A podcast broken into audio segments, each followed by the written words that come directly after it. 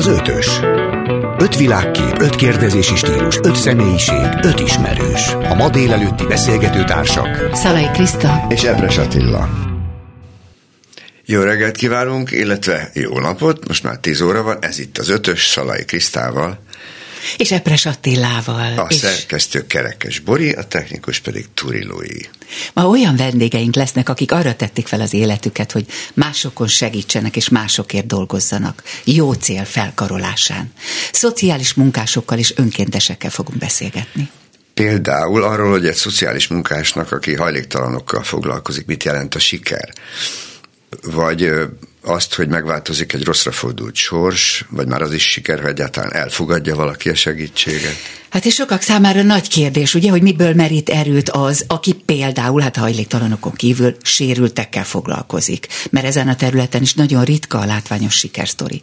A gyermekvédelemben pedig szintén nagy lelki erő kell. De sokan hiszik, vallják, hogy gondoskodás, a kitartó szeretet, az odafigyelés az segíthet.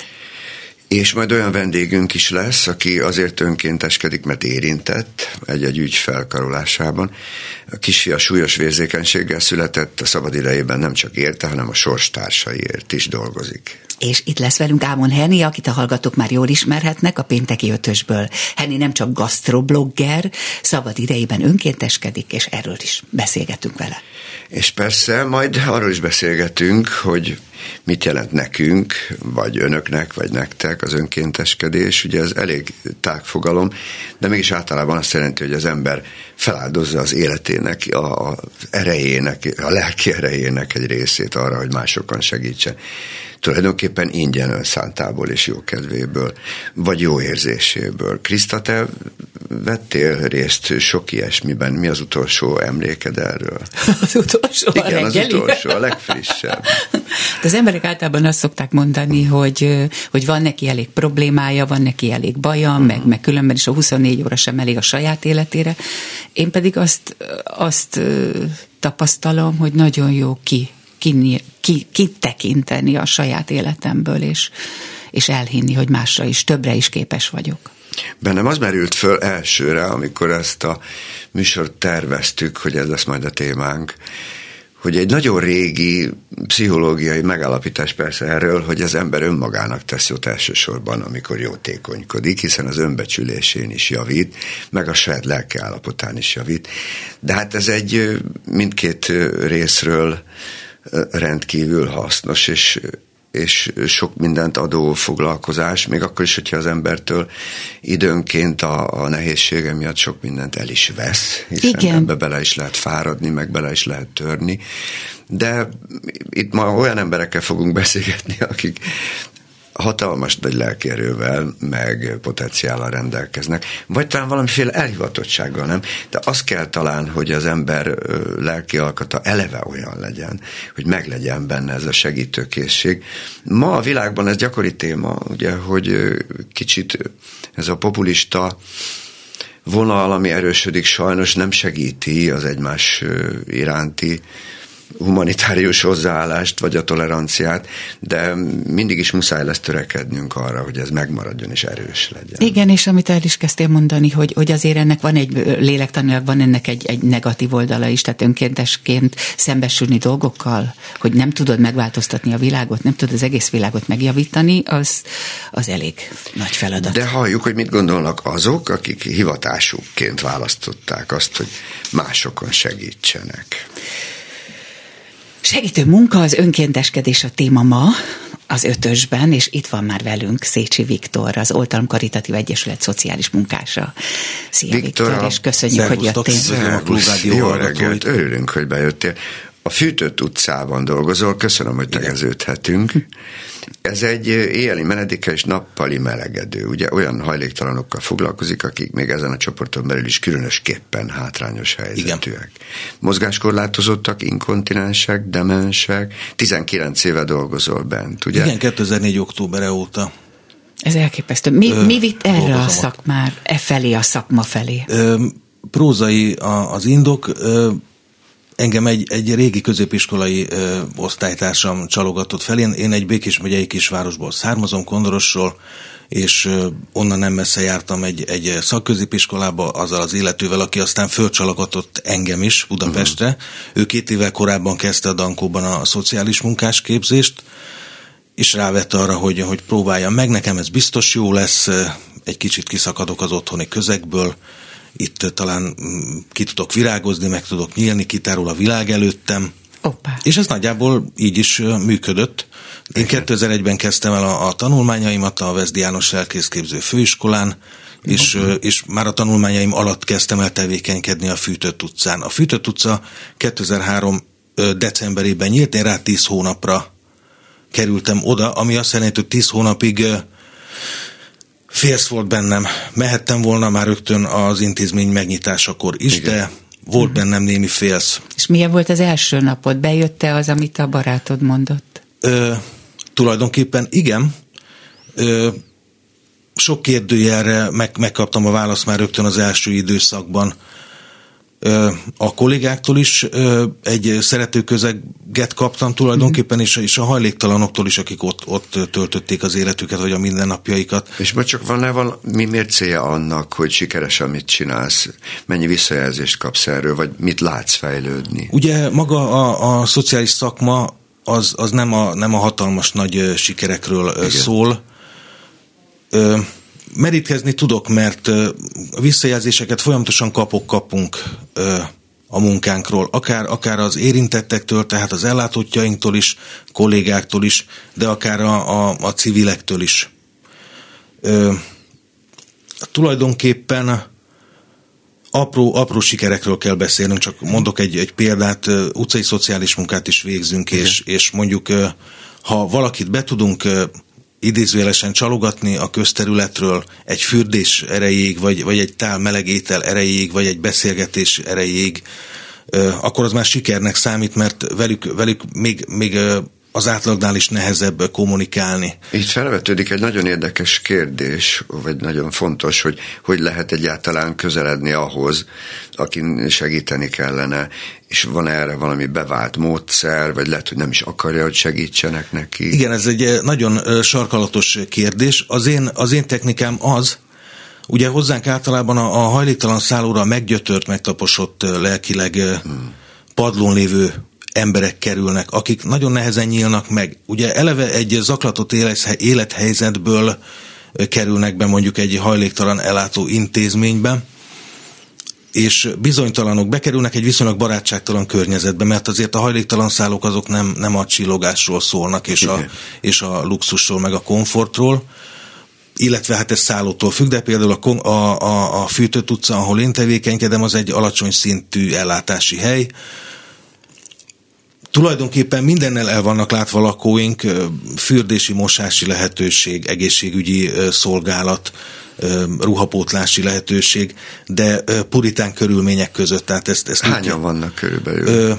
Nyári időszakban, tehát a krízis időszakon kívül a 100 férőhelyre olyan 130-an szoktak nálunk életvitelszerűen tartózkodni.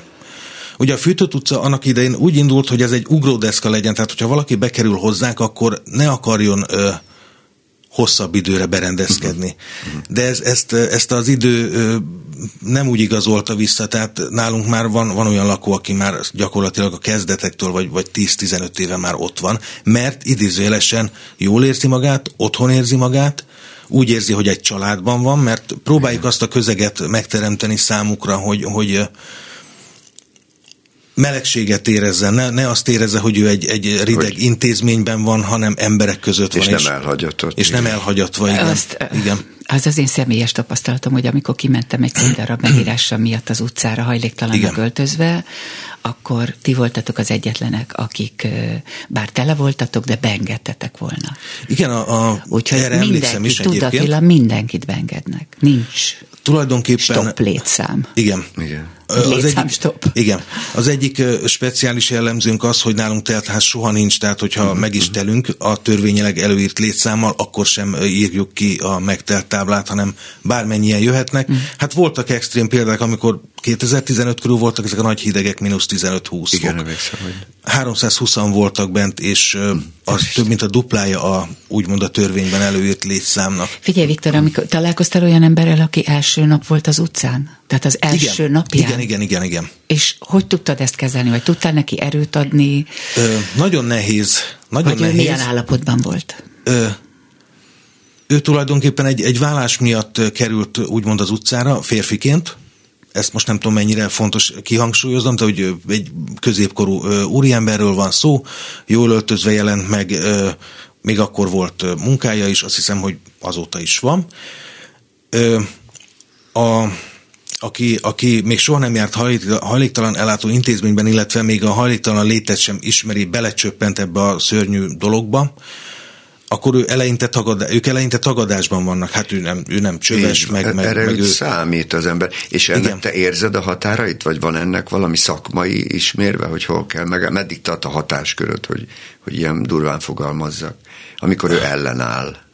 Ö, el kell fogadni, tehát hogy én a, az, az én arszpoétikám, ha lehet ilyen költőjen fogalmazni, akkor az, hogy ö, ö, ne építsünk fel légvárakat, ne hitessük el uh-huh. az emberekkel, hogy, hogy, hogy bármit meg, bármire képesek vagyunk, pontosan azért, mert kompetencia határaink nekünk is vannak. Igen. El kell fogadtatnunk, fogadtatnunk velük azt, hogy ez egy állapot. Ebből ki lehet, ebből ki lehet mászni. És nem, nincs mit szégyelni ezen. Uh-huh. Ez nem feltétlenül az ő, ő szégyene vagy, vagy személyes tragédiája, ez így alakult, és ebben, ebben kell valami kapaszkodót találni neki is, és nekünk is. Szokták mondani, Ö, ugye, hogy a hajléktalanok tehetnek arról, hogy az utcára ö, kerülnek. Igen, igen. Ez, egy, ez egy sztereotípia, én azt gondolom. Ö, Szóval ez egy volt rossz ez sorsfordulat, amin segíteni kell. Amin segíteni kell, És igen. konkrét például esetleg emlékszel, ami igazi sikerként volt elkönyvelhető? Ez egy szomorú, szomorú történet, mert, no. mert ez az elmúlásról szól és a betegségről szól. Volt nálunk egy idős pár, 70 év körül, vagy most a hölgy 70 év körüli, aki időközben megözvegyült, de hogy azóta is a lakunk. Ők a férjével együtt kerültek hozzánk, a, a, a bácsi az, az beteg lett, gégerákos lett, aztán áttétek, stb. és kórházba került, de ő az élete utolsó három hetében nagyjából azt hiszem még annyi volt neki hátra, akkor megszökött a kórházból pizsamában, mm. branüllel a kezében. Hogy együtt mert, legyen hogy a feleségével. Mert hogy ő nálunk akart meghalni, és, ah. és annyira előttem van a kép, mert pont akkor dolgoztam, és szakadt az eső, ősz nagyjából ilyen tájban, pizsamában a papa, és, és jött, és uh-huh. ilyenkor az ember mit tud tenni?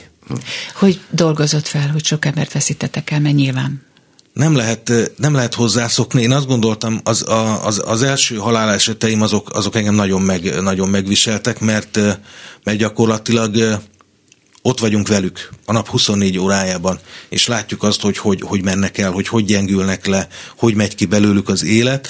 Aztán megtanultam ezt kezelni, egyrészt úgy, hogy önmagamat is védjem, hogy, hogy ez, ez, ez a munkám része ez a munkánk része. De adódik a kérdés ebből, hogy van, aki neked segít, hogyha rosszabb állapotba kerülsz, hiszen ez a munka megvisel. Nekem is vannak hullámvölgyeim, mint ahogy az összes szociális szférában dolgozónak van. Próbáljuk magunkat Münchhausen bároként a hajunknál fogva kihúzni a gödörből, vagy a, igen, gödörből, de egymás sebeit is nyalogatjuk, tehát tudunk ventilálni egymás között. Egy cipőben járunk, van szupervízióra is lehetőségünk. Uh-huh. Volt olyan, amikor fel akartál állni? Köszönöm szépen, elég volt, besokaltam. Nem, olyan még nem volt, de volt, amikor, amikor úgy éreztem, hogy, hogy, hogy a munkámnak nem sok értelme van. Ah, tehát a motiváció az nem mindig a legerősebb. A motiváció az nem mindig a legerősebb. Azóta megtanultam azt, hogy, hogy mindenben, a legapróbb dolgokban is meg kell, meg kell látni, az, ez közhelyes, de hogy meg kell látni a, a pozitívumot. Igen. A hajléktalanok erre képesek, hogy megtalálják bármiben az Meg örömet? kell tanítani őket Tehát tanítjátok erre. őket? Én azt gondolom, hogy igen, tehát eh, motiválni kell őket arra, hogy az, csak azért, mert hajléktalanok, attól még nincs vége a világnak, és élhetnek ugyanúgy emberként. ehhez kapcsolnám azt is hozzá, hogy, hogy én azt gondolom, ez az én személyes véleményem, de szerintem ezt mások is osztják, hogy, hogy egy szociális munkásnak elsősorban az a feladata, hogy, hogy visszaadja a, egy hajléktalannak a méltóságát. Ők, ők mindannyian megtiporva érkeznek hozzánk, nulla önbecsüléssel, és vissza kell adnunk egy kicsit az önbecsülését és a méltóságát, hogy, hogy ő is ember, a hajléktalan is ember, és ez megint csak közhely, de de ez, az. Ez, igen, igen. De érzel te is olyat magadban, hogy tanulsz a munkádból, hogy olyan tapasztalatokat gyűjtesz, amit egyébként nem Természetesen. Nekem azért, nekem azért merőben megváltozott az életem, meg az uh-huh. élethez való hozzáállásom, uh-huh. amióta a, a Fűtött utcán dolgozom. Az értékrendem is megváltozott, nyitottabb lettem, mert azért előtte én is félve közeledtem a hajléktalanokhoz, akár közterületen, vagy akár bárhol, Mit tanácsolnál az embereknek? Mit tanácsolnál a azt, hogy, azt, hogy nem kell félni tőlük, én azt gondolom.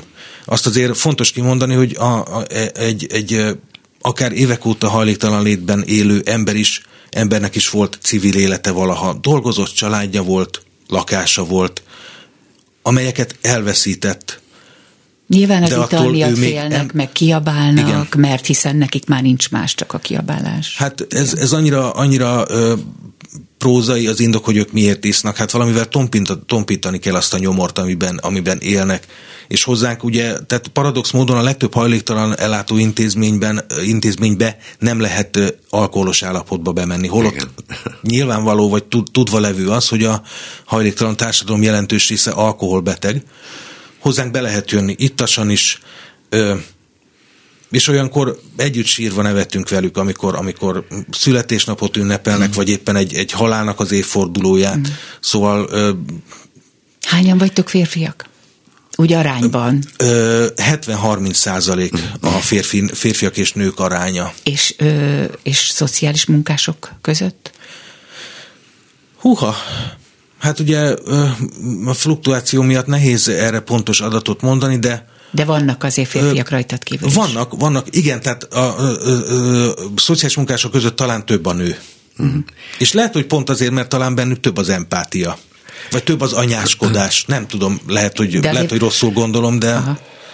De van, hogy keménynek kell lenned? Vannak olyan Persze. helyzetek, amikor, a, amikor Igen. meg kell húzni Igen. a határokat? Mivel, hogy, mivel, hogy létszámnál, a megengedett létszámnál többen vannak bent, az életterük nagyon kicsi. Igen. Ezért a feszültségfaktor is magasabb, és ugye ittasan vannak bent kisebb-nagyobb összezördülések, akár Világos. bunyócska, vagy akármi. Tehát mi azért ö, részben rendfenntartó szerepet is... Ö, Elfogadják? Elfogadják, el, hogyha el, itt szeretnél el, lenni melegben, akkor igen, tehát, hogy szabályok. Igen, igen, de ezt tulajdonképpen emberi módon közöljük velük, és nem, nem nincs, nincs durva agresszió. Egyszerűen, mint egy, mint egy szigorúbb, mondjuk tanító bácsi, igen. hogy Pistike, tessék viselkedni, mert az utcán neked sokkal rosszabb lesz. Hát nagyon jó, hogy itt vagy velünk, egy kicsit beleláthattunk ebbe. Így az időnk vége felé, a műsoridőnk vége felé veled, még azt meg kell kérdeznem, hogy van-e valami terved így zárszóként, ami ezzel kapcsolatos. Munkámmal kapcsolatosan? Így van, hogy mi az, amire vágysz ebben az ügyben. Ö, hát ismerik-e jobban a szakmánkat? Uh-huh mind, mind anyagilag, mind pedig, hogy is mondják, tehát hogy társadalmilag is legyünk egy elismertebb szakma. Nekem ez az egy vágyam van. Igen, nagyon fontos lenne, hogy a divatos érzékenyítés szóba sok minden belefér, de a megismertetés talán még fontosabb. Hogy Igen, és, és erre is van egy tök jó uh, sztori. Uh, évek óta már uh, középiskolásoknak ez az érzékenyítő tréning, hogy eljönnek uh-huh. hozzánk és önkénteskednek uh-huh. és ételt osztanak, beszélgetnek a hajléktalanokkal. Köszönjük kell, Tehát a feltörekvő nemzedéknek is kell, kell egy kis érzékenyítés. Hát nagyon, nagyon jó, hogy itt köszönjük. köszönjük szépen. Köszönjük, köszönjük szépen Szécsi Viktornak, az Oltalom Karitatív Egyesület munkatársának. És sok erőt. Szia! Köszönöm. Az ötös. Öt világkép, öt kérdezési stílus, öt személyiség, öt ismerős.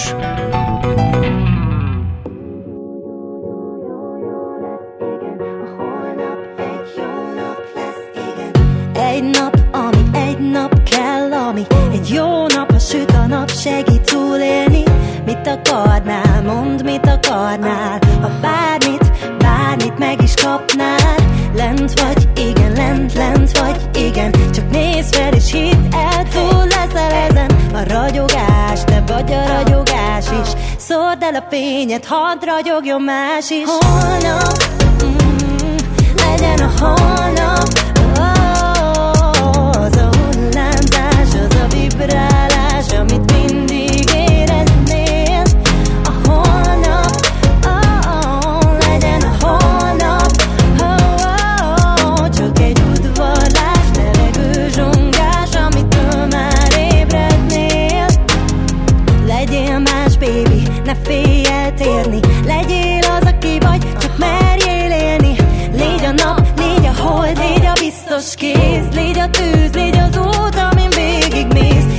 az arcod, szép, szép az arcod. Ha fáj a szíved, nem kell letagadnod Csak mondd el, mondd ki, itt vagyok veled.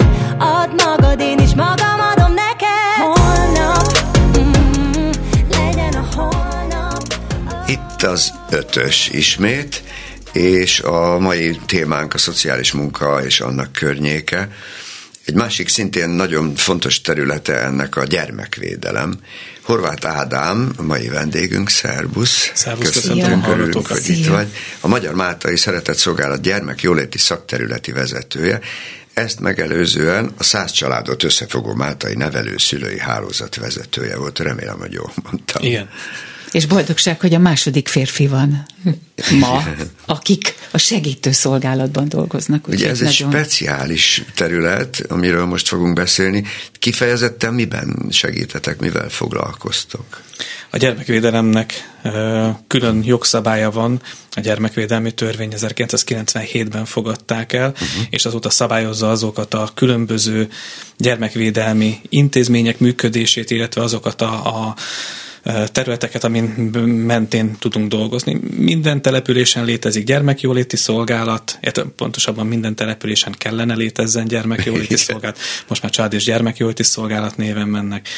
Ö, Családok átmeneti otthonai, de a bölcsödék is ide tartoznak a gyermekvédelembe, illetve hát a szakellátás részei, a nevelőszülői házatok, gyermekotthonok, Amikor, amikor a száz családot fogtál össze, hogy, hogyan voltál képes átlátni, és, és valóban belátni, belelátni a valóságba, mert ugye ezt mondjuk, hogy a zárt ajtók mögött történnek a dolgok, és sok mindenről nem tudunk.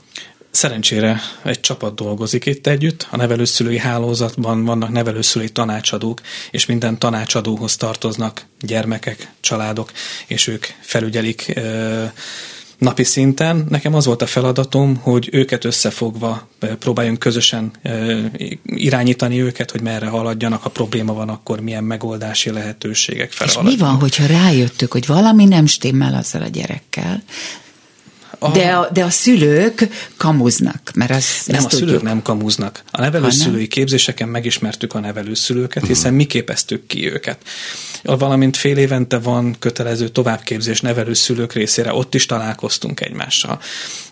Én akkor szép lassan, ahogy a hálózathoz kerültem, szép lassan véglátogattam az összes családot, megismertem őket, megismertem a saját gyerekeiket, házastársaikat, a velük együtt élő egyéb felnőtteket, szülők, Aha, tehát ez egy nagyon komoly tájékozódással indul. Igen, igen, és hát az, az országban akkor még Szabolcs megyétől ö, talán, akkor még talán Komárom-Esztergom megye volt a két vég, hát azóta meg Baranya megye természetesen, akkor is már voltak Baranya megyében nevelőszülőink, most már Vas megyében is vannak, úgyhogy azért ez egy szép kis túra volt, de És neked honnan jött eredetileg, hogy épp a gyerekvédelemmel szeretnél foglalkozni? Mi volt a képzettséged, vagy hogyan kellett erre speciálisan tanulni, vagy felkészülni?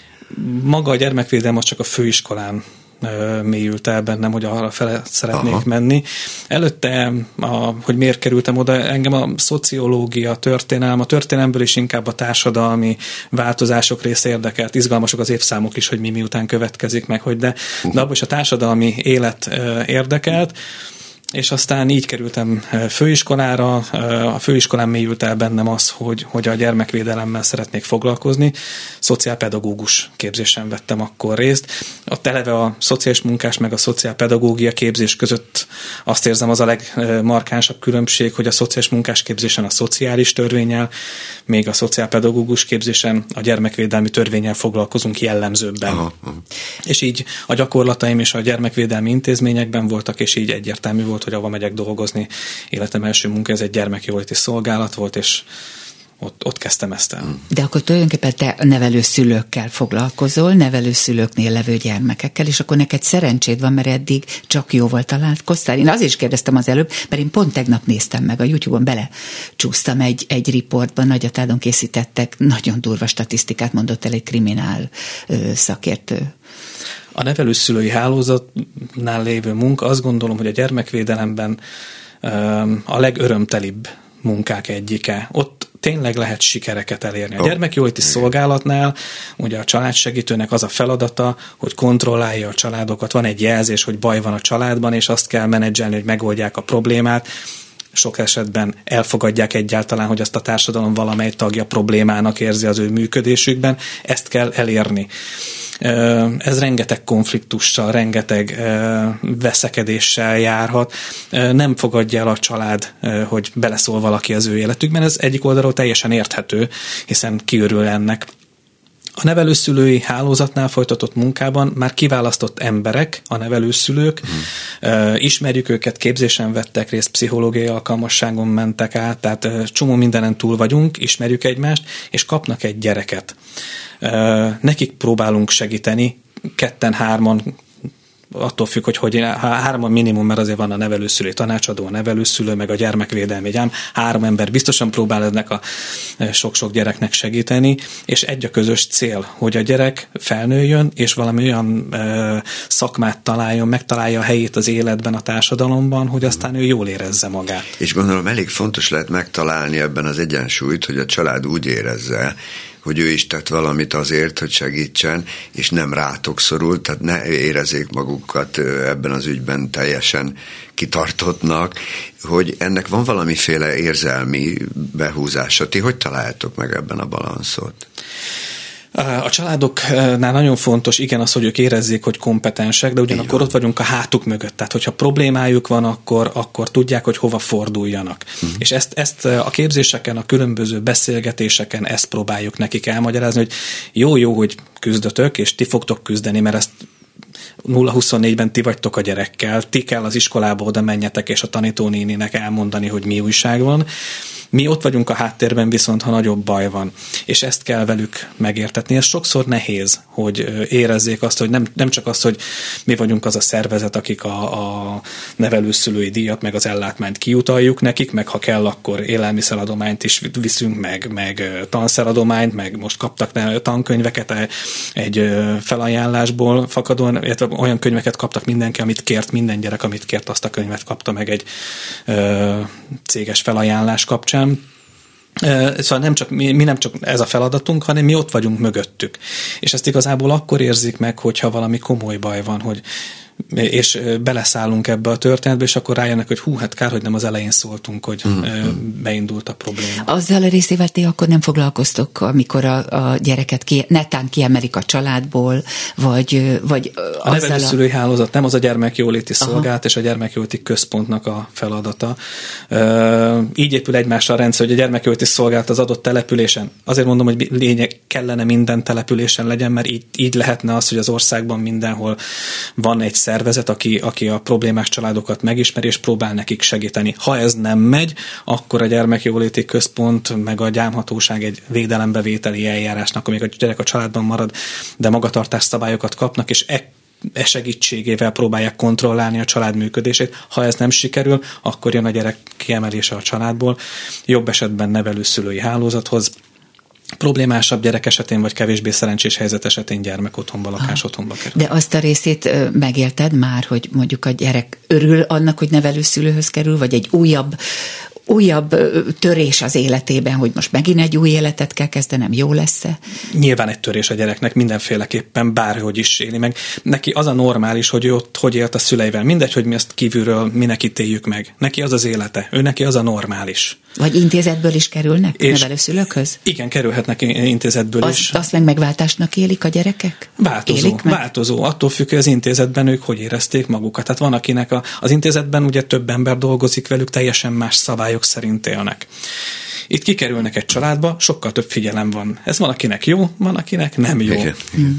Természetesen arra törekedtek így aztán, hogy ne lyukadjon ki ez a védőháló sehol, tehát hogy a rendszer egymásba kapaszkodva segíthessen. De mit tudtok tenni, amikor látjátok, hogy nem lehet segíteni, mert olyanok a körülmények, vagy olyanok a szülők, vagy olyan a gyerek, hogy teljesen ellenáll. Ilyenkor mi a teendőtök? A nevelőszülői hálózatnál már egyszerű a dolog, mert ott, ha a szülő nem képes rá, akkor nem kapja vissza a gyereket. Ez sajnos, sajnos az esetek nagy többségében ez van. Igen?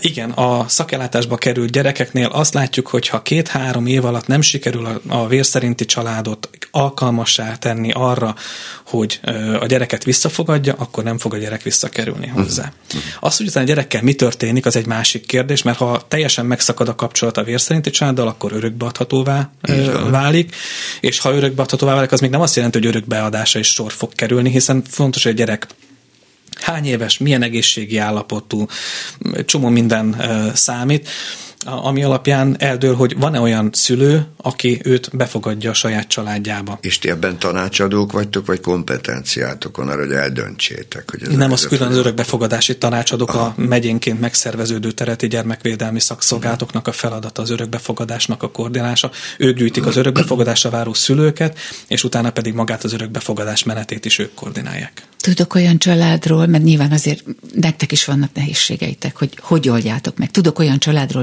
vidéken, nem tudott, nem tudnak dolgozni, nincs munka, és kitalálták maguknak, hogy a gyerekeik mellé fogadnak gyerekeket, viszont csomagba kapták őket, több gyereket kaptak, és van, amelyik problémás, és egyszerűen mindenki megbetegedett már a családban, tehát egyszerűen nem tudják, a, nem részletezem, hogy mi mindent mesélt a mama, de nem tudják elengedni a pénzt, mert akkor viszont vissza kéne adni az összes gyereket. Vagy az összeset adják, de Igen. egyet nem lehet, aki a problémás. Ilyenkor mit tudtok csinálni, vagy hogy, hogy tudtok segíteni? Mert nyilván eznek az egész családnak pszichológus kéne. Azért erre a felvetésre két válaszom van. Egyik, hogy ebből is látszik az, a társadalomban jönnek a válaszok a nevelőszülők, hogy persze, mert ti pénzért nevelitek a gyereket. Igen. Igen. Pénzt kapnak azért, hogy ők más gyerekét nevelik. Ez tényszerűen igaz. Ez egy munka. De egyrészt, másrészt meg az, azt gondolom, hogy ha valakinek a, a, a terhét átvállalom, akkor tényleg teljesen jogos, hogy kapok valamit cserébe. Hogy ezt most milyen formában, pénzformában, vagy helyettem bevásárol valaki, és a pakkot kapom, meg teljesen mindegy. De ezért például is azt nagyon jól megmutatja, hogy a, a gyerekre kapott pénz az messze nem elég arra, amit ténylegesen a gyerekre fog költeni az adott család ezért javaslom minden hallgatónak is ezúton is, hogy ha valaki azon gondolkodik, hogy pénzért lesz nevelőszülő, most felejtse el. Az első problémánál ki fog derülni, hogy nem bírja, Igen. és vissza kell adja a gyereket. Ez törés neki a saját önértékelésében, törés a gyereknek, tehát nem, nem hogy nem segített neki, még, még, még nagyobb kárt is okozott, hiszen fölcsillant a gyereknek a remény, aztán hirtelen eltűnt. Úgyhogy ezt ne csinálják. Nagyon gyorsan ki fog derülni, ha ő nem is tudja meg valami, hogy átmegy a pszichológiai alkalmasságin, meg minden, akkor is ki fog derülni nagyon gyorsan, hogy ez nem neki való ez a pálya. A másik pedig, hogy ezekben a helyzetekben azért, ha a szülők, nevelőszülő család kitart, akkor azért lehet valamit tenni. Látva azt, hogy egy gyerek a problémás, vagy minden gyerek, vagy pedig a nevelőszülő nem képes megbirkózni azzal a problémával, amit ezek a gyerekek ö, hoztak az ő családjába, azt szerint tudunk nekik azért segíteni. Nem egyszerű, hiszen a gyerekeket, a testvéreket igyekszik a rendszer minden hol örökbefogadásnál és mindenhol egyben tartani.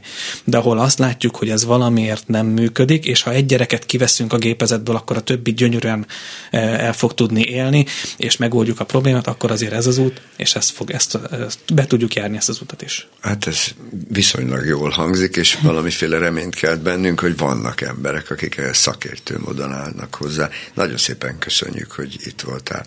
Horváth Ádám, a Magyar Máltai Szeretett Szolgálat gyermek jóléti szakterületi vezetője. Köszönjük, Köszönjük. hogy itt vagy. Köszönjük. És, és a szakmádban. Szia. Az ötös.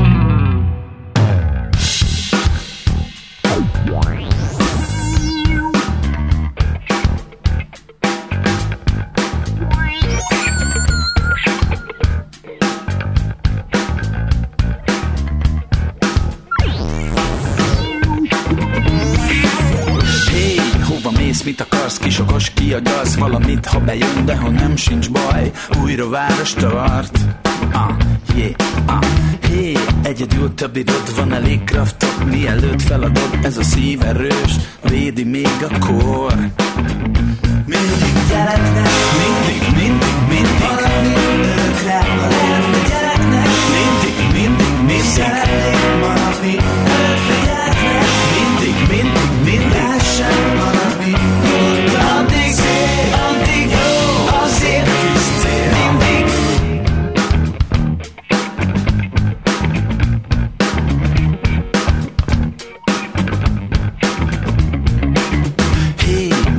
menekülsz, hova mész, kifelel, ha bukik Ez a terv kifizet, ha bedől a cég. Csőbe húz a sors. Ah, ah, Hé, ne hűlj, kitalálsz valamit Belelépsz ki a franc felelős, ha elér a vég. Sír a kisfiú. Mindig gyereknek, mindig, mindig, mindig. Maradni örökre, ha lenne gyereknek. Mindig, mindig, mindig. Szeretnék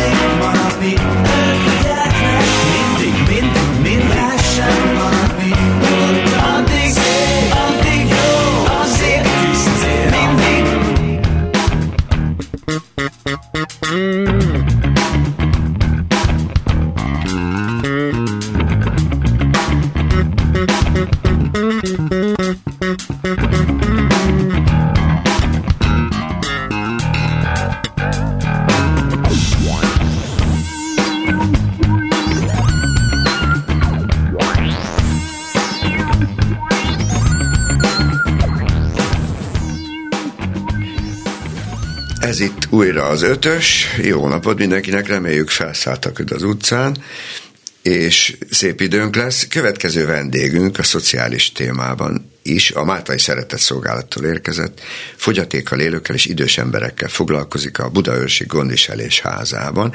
Köszöntjük Bíró Valériát, szervusz! Szervusztok, Vali. köszöntöm a hallgatókat is. Szia, ti, ti védőháló vagytok Budaörsön? Hát annak is lehet hívni Mert ez egy az nappali, intézményt. nappali intézmény, és a szülők itt tudnak menni dolgozni. Így pedig- van, így van, így van, ez a szolgáltatás igazából hozzánk ö, 18 éven fölüli fogyatékkal élők jöhetnek, őket fogadjuk. Heterogén nagyon a az összetételünk, tehát, hogy értelmi, mozgás, hallás, látássérülteket fogadunk, autistákat, halmozottan sérülteket. Egy nagyon pici intézmény vagyunk, tíz fő a uh-huh. napi létszámunk, akik ott vannak, tehát ebből kifolyólag egy nagyon családias légkört tudunk, egy nagy, mint egy nagy család, tulajdonképpen úgy tudunk élni. Mi 2010 óta vagyunk jelen Budaörsön, mint Máltai Szeretett Szolgálat, így a fogyatékos nappali ellátásban.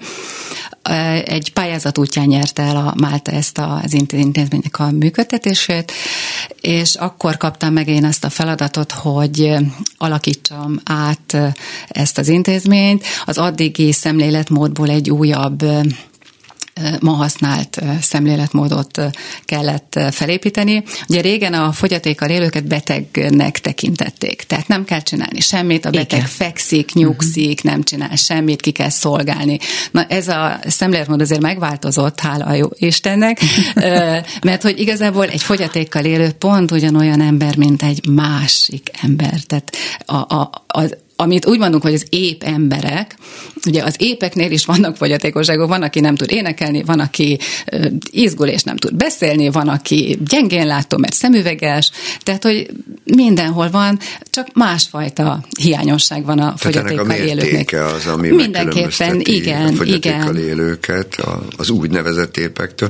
De ugye alapvető, hogy rajtuk segítetek, de gondolom azokon is segíteni kell, akik őket gondozzák, vagy velük vannak ti, ő nekik tudtok segítséget nyújtani, akár tanácsadással, akár bárhogy. Uh-huh.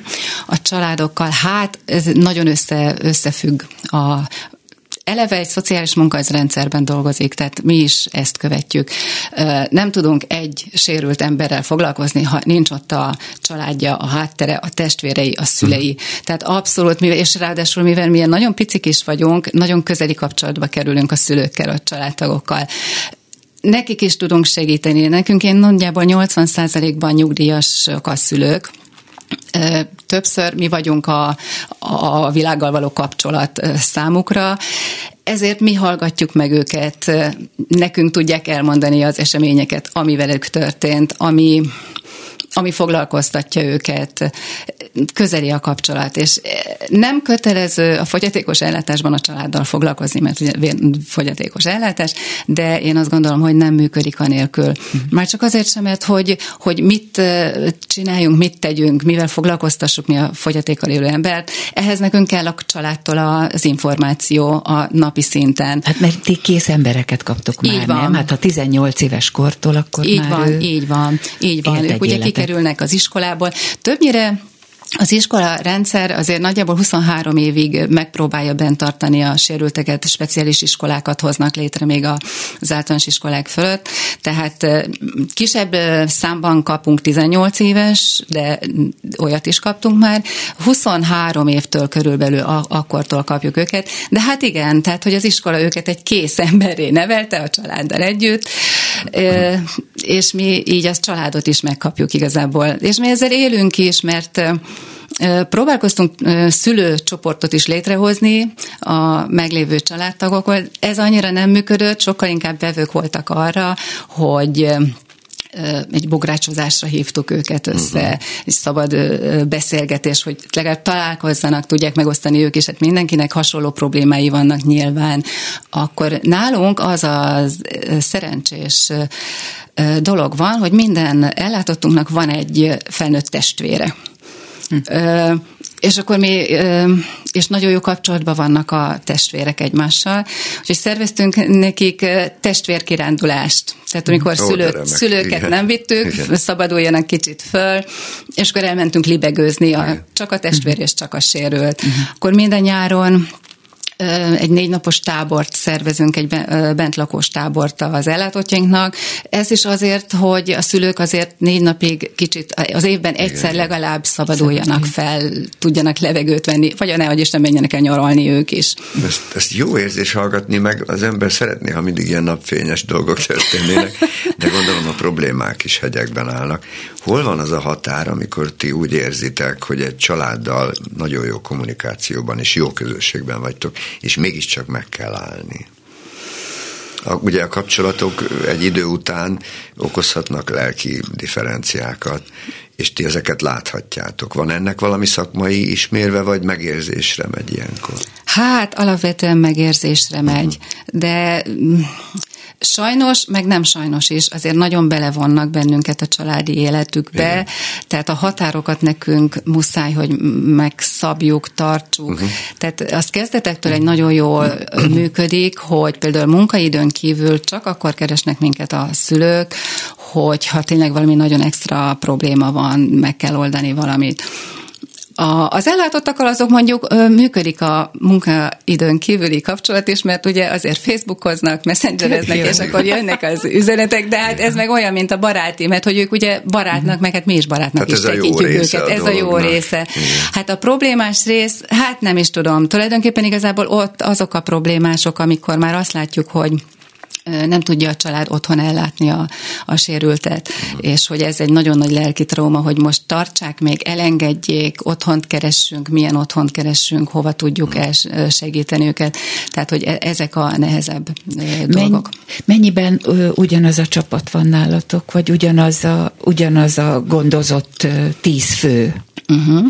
Hát mi most ugye 13 éve vagyunk pontosan ott, és Összesen 22 megállapodásunk volt, tehát igazából kicsi a fluktuáció. Úgy kerültek tőlünk el, akiket már tényleg otthonba, tehát uh-huh. otthon nem tudták ellátni, és ezért szakellátásba kellett helyeznünk. Illetve egy-kettő olyan esetünk is volt, amikor egy másik intézménybe ment át a fiatal, mert hogy ott sokkal inkább tudtak olyan programot nyújtani neki, amire neki szüksége és volt. És téged mi vonzott ehhez? Vagy hogy kerültél bele? Mi volt ennek az első indító motivációja? Hát a fogyatékos ügybe én a véletlen, ha vannak, de nincsenek szerintem, kerültem bele. Én a, a szociális szakmába kezdtem gimnázium után, én kisgyerekkorom óta egészségügy és gyerekápoló akartam lenni. Ja, tehát ez már Tehát nagyon nekem korán nagyon megvolt. korán elindult a segítő Mhm. szakma.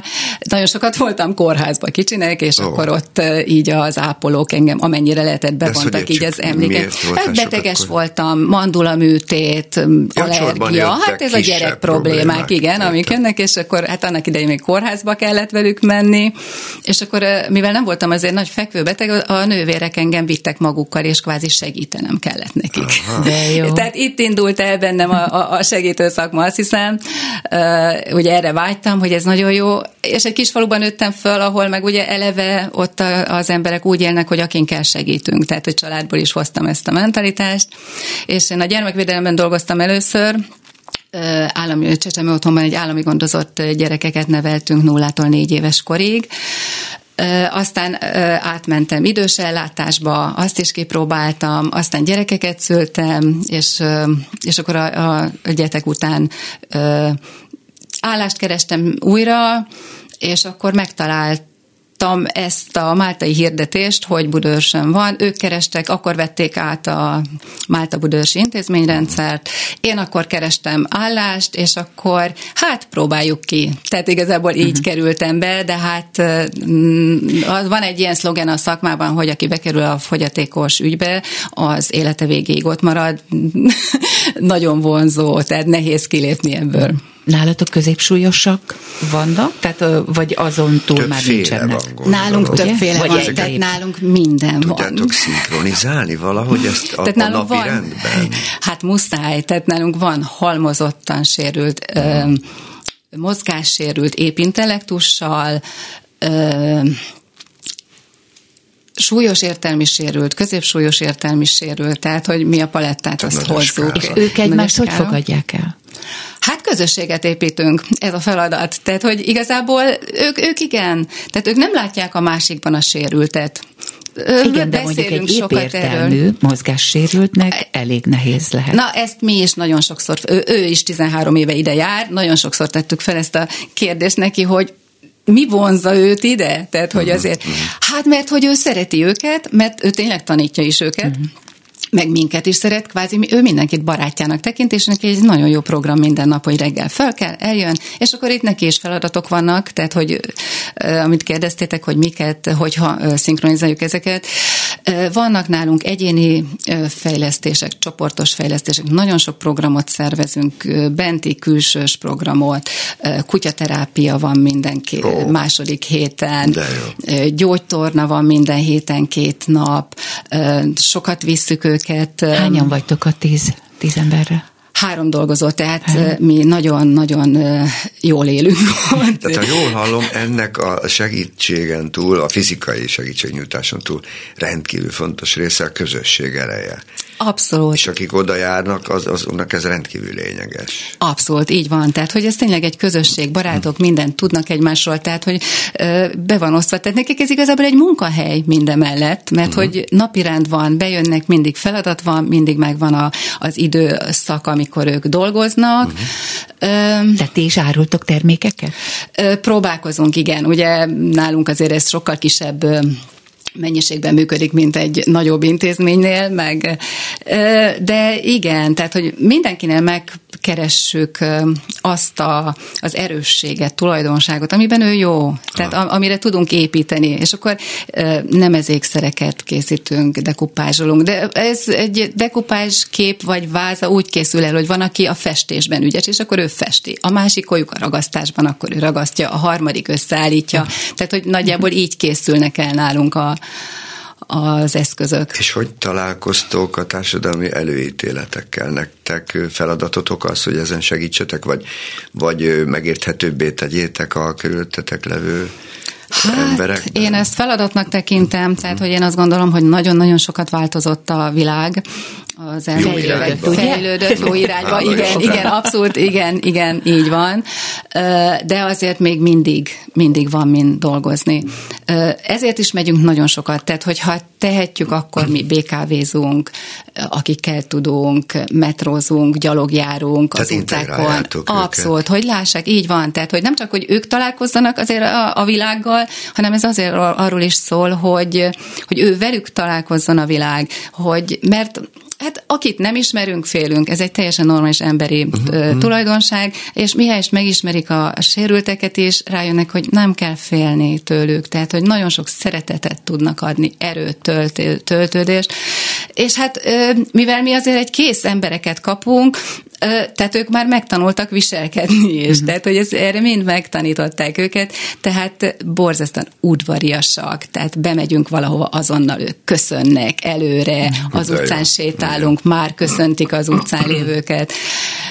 És hát a nyitott intézmény is vagyunk, tehát, hogy önkénteseket fogadunk, az iskolákkal kapcsolatban vagyunk, tehát a kötelező társadalmi órákat, azokat nálunk is le lehet tölteni, jönnek a diákok is. Ez is nagyon jó, hogy már fiatalon tudjuk integrálni és bemutatni, hogy, hogy tulajdonképpen nem kell félni, mert hogy nagyon jó a sérültek Igen, lenni. szerintem nem, nem feltétlenül a sérültektől félnek, hanem önmaguktól a többségiek, hogy mit kezdjenek velük. Igen, igen, igen, igen, tehát hogy ezt, ezt nem tanulja meg senki, hogy hogy nyúljon hozzá. Tehát azért, és ez nehéz, és én emlékszem a mozgássérült fiatalember, aki hozzánk jár, lépcsőzni tud, de csak úgy, hogy fogjuk a kezét. És amikor én először kellett, hogy fölvezessem a lépcsőn, hát bizony nekem is az első alkalom volt, tehát én is reszkedtem, mint a nyárfalevél, hogy most elesünk, nem esünk, tehát hogy ezeket mind tanulni kell, meg hogy hogy nyúljunk hozzá, most akár egy vakhoz, ugye át akar menni az ebrán, kísérjük át, de ha nem, akkor ne kísérjük át. Tehát, hogy ez is egy tanulás, és azáltal, hogy nagyon sok önkéntes is jár hozzánk, ezt ők is viszik tovább. Tehát én azt gondolom, hogy ez ilyen um, centrikus kör, hogy mi vagyunk itt, és akkor akik hozzánk kerülnek, ők így viszik ki fel a társadalomba, és akkor talán ez a reményünk, hogy, hogy mindenki ez eljut, hogy jó velük együtt élni, nem hát kell félni ez, se önmagunktól se. És a határaitokat, bocsánat, kérdez, nem csak az, hogy mit, mit, mit csinálsz, hogy dolgozod azt fel, mert hogy tíz embert be tudsz fogadni, de nyilván több az érdeklődő, vagy idézőjeben inkább rászorult. Nekik mit mondtok, hogy menjenek Jaj, ez máshova? nagyon nehéz. Tehát, hogy ez nagyon nehéz, mikor telt ház van, és jelentkeznek, hogy szeretnének hozzánk jönni, és, és nem tudunk neki jelenni, mert már volt a tíz helyen, és sehol nem, mhm. mert nagyjából telt ház van. Hát ezt nehéz, ezt fel kell dolgozni. Tehát, hogy ilyenkor én szoktam próbálkozni, hogy akkor keressünk közösen még esetleg akkor távolabb, vagy én mit tudok ajánlani, uh-huh. tehát valami probléma megoldást, vagy szoktam segíteni. Ez segít abban, hogy én ne érezzem annyira rosszul magam, hogy elutasítom. Ez és most szuper, hogy alapvetően reménykeltő és örömteli dolgokról hallunk, és úgy látom, hogy, hogy ti is sokat kaptok vissza ebből. Tehát azzal, hogy emberekkel foglalkoztok, akiken pedagógia vagy, vagy szociális együttlét során tudtok segíteni, ez, ez nagyon jó dolog. Tehát neked a gyerekkori vágyai tulajdonképpen részben teljesültek. Ezzel. Abszolút, abszolút, teljesen. Tehát nekem van három felnőtt gyerekem, és... Ezt akartam kérdezni, ezt a... hogy ők, őket is beszippantottad? Hát igen, az egyiket, a harmadikat mindenképpen a legkisebbet. De igazából, hogy azt akartam ezzel mondani, hogy van három gyerekem, akik felnőttek, és keresik a helyüket a világban, ugye nagyon nehéz dolguk van a mai fiataloknak, és hogy hát a munkahely, de hát az nem jó, ez azért nem jó, az azért nem jó. És hogy milyen jó neked, mondják nekem, mert hogy te azt csinálod, amit hmm, szeretsz, te ott töltöz, de, de hogy lehet ez, mikor ha én nem akarok szociális munkás lenni, tehát hogy ez egy örök téma, de hogy ez tényleg azt gondolom, hogy fogyatékosokkal együtt dolgozni, tehát naponta kapom meg, hogy zseni vagyok. Tehát, hogy ez kell ennél jobb egy embernek. Ez egy remek szó. Köszönjük De szépen, édesek, nagyon jó. Föld felett jársz akkor. Igen. Köszönjük, és látszik is rajtad. Köszönjük, Köszönjük szépen hogy Bíró Valériának. Köszönöm szépen. Az ötös. Öt világkép, öt kérdezési stílus, öt személyiség, öt ismerős.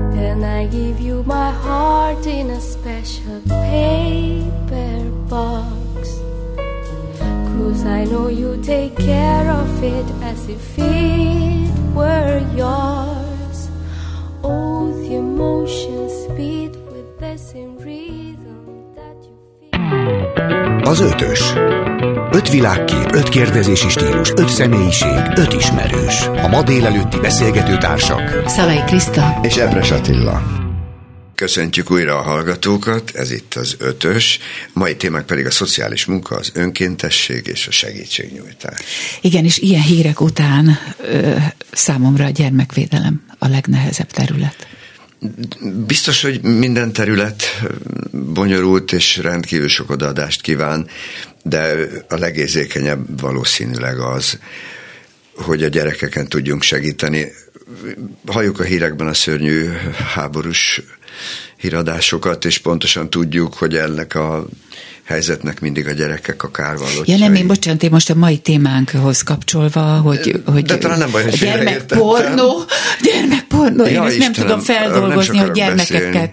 bántalmaznak. Itt most a szociális munkásokról és ennek a területnek az összes érintettjéről beszélgettünk, és remek vendégeink voltak, akik szerintem reménykeltő Igen, dolgokról igen. beszéltek. Hogy Én nem férfi, számítottam. kettő férfi ennyire. volt, ez Nagyon fantasztikus, volt. és egy pozitív hölgy a fogyatékkal élőkkel ö, való foglalkozásban, az, az, az számomra fel, feldobó, mert ugye valamelyik műsorban meséltem, hogy én így indultam. Igen, igen. Egy úgymond szeretett otthonban dolgoztam, hogy csak a sérülteket nem szerették, úgyhogy, úgyhogy ez, ez nagyon, nagyon üdítő. Azt mondta az utolsó vendégünk, hogy nagyon jó felé változott a igen, helyzet. És igen, de ezt én is tapasztalom, úgyhogy hál' Istennek. okot. Nagyon jó. Én is részt vettem ilyesmiben, még a járvány előtt indult ez a dolog. Vittünk óvodáknak, rászorulóknak csomagokat, telepakoltunk egy mikrobuszt, jöttünk, mentünk, de azt tapasztaltam, hogy a szervezési része az egyszer csak olyan bonyolultá válik, hogy az ember be tud ijedni tőle. Az biztos, hogy ehhez valamiféle elég nagy elhivatottság kell, hogy ezt folytatni tudja, akkor is az Igen, ember, amikor kell. összeborulnak a hullámok Nincs kérdés. És nem valószínű, hogy mindenki erre született, és hogy azt akarom kinyögni, hogyha valaki erre nem való, vagy, vagy nem bírja, vagy nem fér ki az idejéből, az egyáltalán nem azt jelenti, hogy ő kevesebbet ér ebben az ügyben, csak azt jelenti, hogy vannak kivételezettek, akik ezt zsigerből és jó érzésből tudják csinálni. Nem, figyelj, van majd a következő életben, szóval nincs ezzel baj, szóval ez így teljesen rendben van. Meg az emberek nagyon sokszor szeretik csak letudni, és akkor is tesznek, hogy mondjuk tárgyat visznek. Az is rendben van. És van, aki már képes arra, hogy mondjuk kapcsolatot teremtsen a hajléktalanokkal, a sérültekkel. Minden rendben van De szerintem. az látszik, hogy ez olyan, mint a levegő, hogy szociális munkanélkül nem működne semmilyen ilyen dolog. Most pedig lesz egy betelefonálónk ez ügyben, illetve mi fogjuk Mi- mi fölhívni. vadáztuk le? Bertáné Batta Magdolnát. Magdi óvónő olasz liszkán, hátrányos helyzetű gyerekekkel és családjaikkal dolgozik és élő ott, és őket, illetve őt szeretnénk erről megkérdezni, hogy hogy segít, illetve milyen ott az élet ezen a területen. Gondolom már a vonalban van.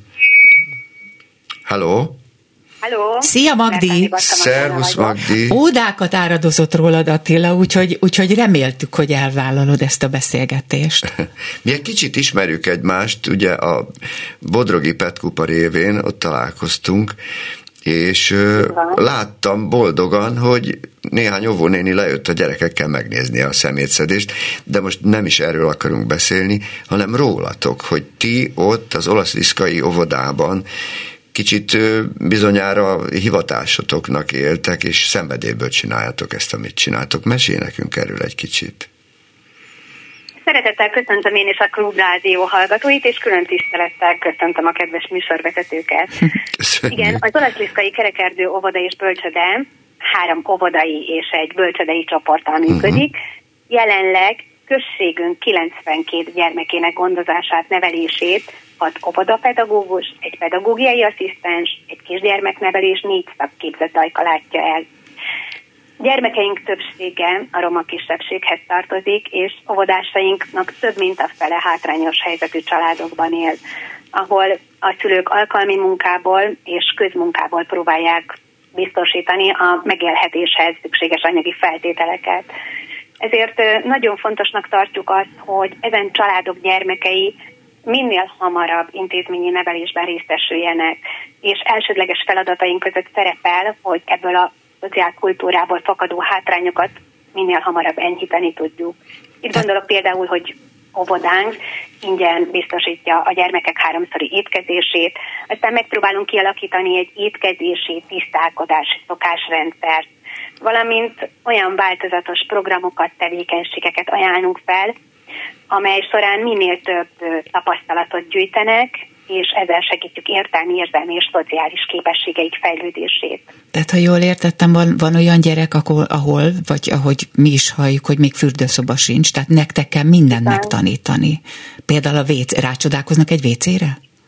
Bizony rá, igen, és akkor szeretném elmondani, hogy fontosnak tartjuk, hogy egyenlő esélyt biztosítsunk azok számára is, akik esetleg valamilyen képesség területén lemaradást mutatnak, és ezeket a képességeket fejlesztük. Ezért is nagyon fontos az, hogy minél hamarabb óvodai nevelésben részesüljenek. Nagyon sok családban nincs bevezetve a víz, tehát a szokásrendszer is nagyon nehezen alakítható ki, és továbbfejleszthető a családokba, ha, ha ahhoz, hogy a családokban is tovább folytatódjon mondjuk a tisztálkodási szokásrendszer, a, nem tudják biztosítani a feltételeket, hiszen más, ahol megnyitjuk a csapot, és folyik belőle a víz, vagy pedig előtte még a szülőnek áldozatot kell hozni azért, hogy behozza a kinti csapról a vizet, megmelegítse, és csak ezek után lehet mosni, főzni, tisztálkodni. És ezt most még viszonylag könnyű elképzelni, amíg ilyen enyhe ősz van, de aztán jön a tél, meg a hideg, meg az eső, és akkor el lehet képzelni, hogy ezek még nehezebbek. De úgy képzelni, hogy a munkátoknak az egyik fontos és izgalmas része, hogy az oda bekerülő gyerekekből valamiféle kisközösséget alkossatok, és szinkronba hozzátok őket. Erre milyen módszereitek vannak, vagy hogy történik ez, hogy kell elképzelni? Nagyon büszke vagyok arra, hogy nagyon jól összeszokott kis közösségünk van, aki tényleg egymást segítik, és például szakmai munkát végeznek. Hatalmas gyermekszeretetük és hivatástudatuk segíti, hogy a pedagógiai munkánkat folyamatosan magas színvonalon végezzük. És ez a siker, ez mindig egy közösség érdeme. És kimondottan az óvodápedagógusok kreativitásán múlik az, hogy a nap folyamán milyen módszerekkel, fejlesztő módszerekkel próbálják kibontakoztatni a gyermekek meglévő képességeit. Ez lehet mondjuk szabadjáték, vagy éppen egy tervezett irányított tevékenység.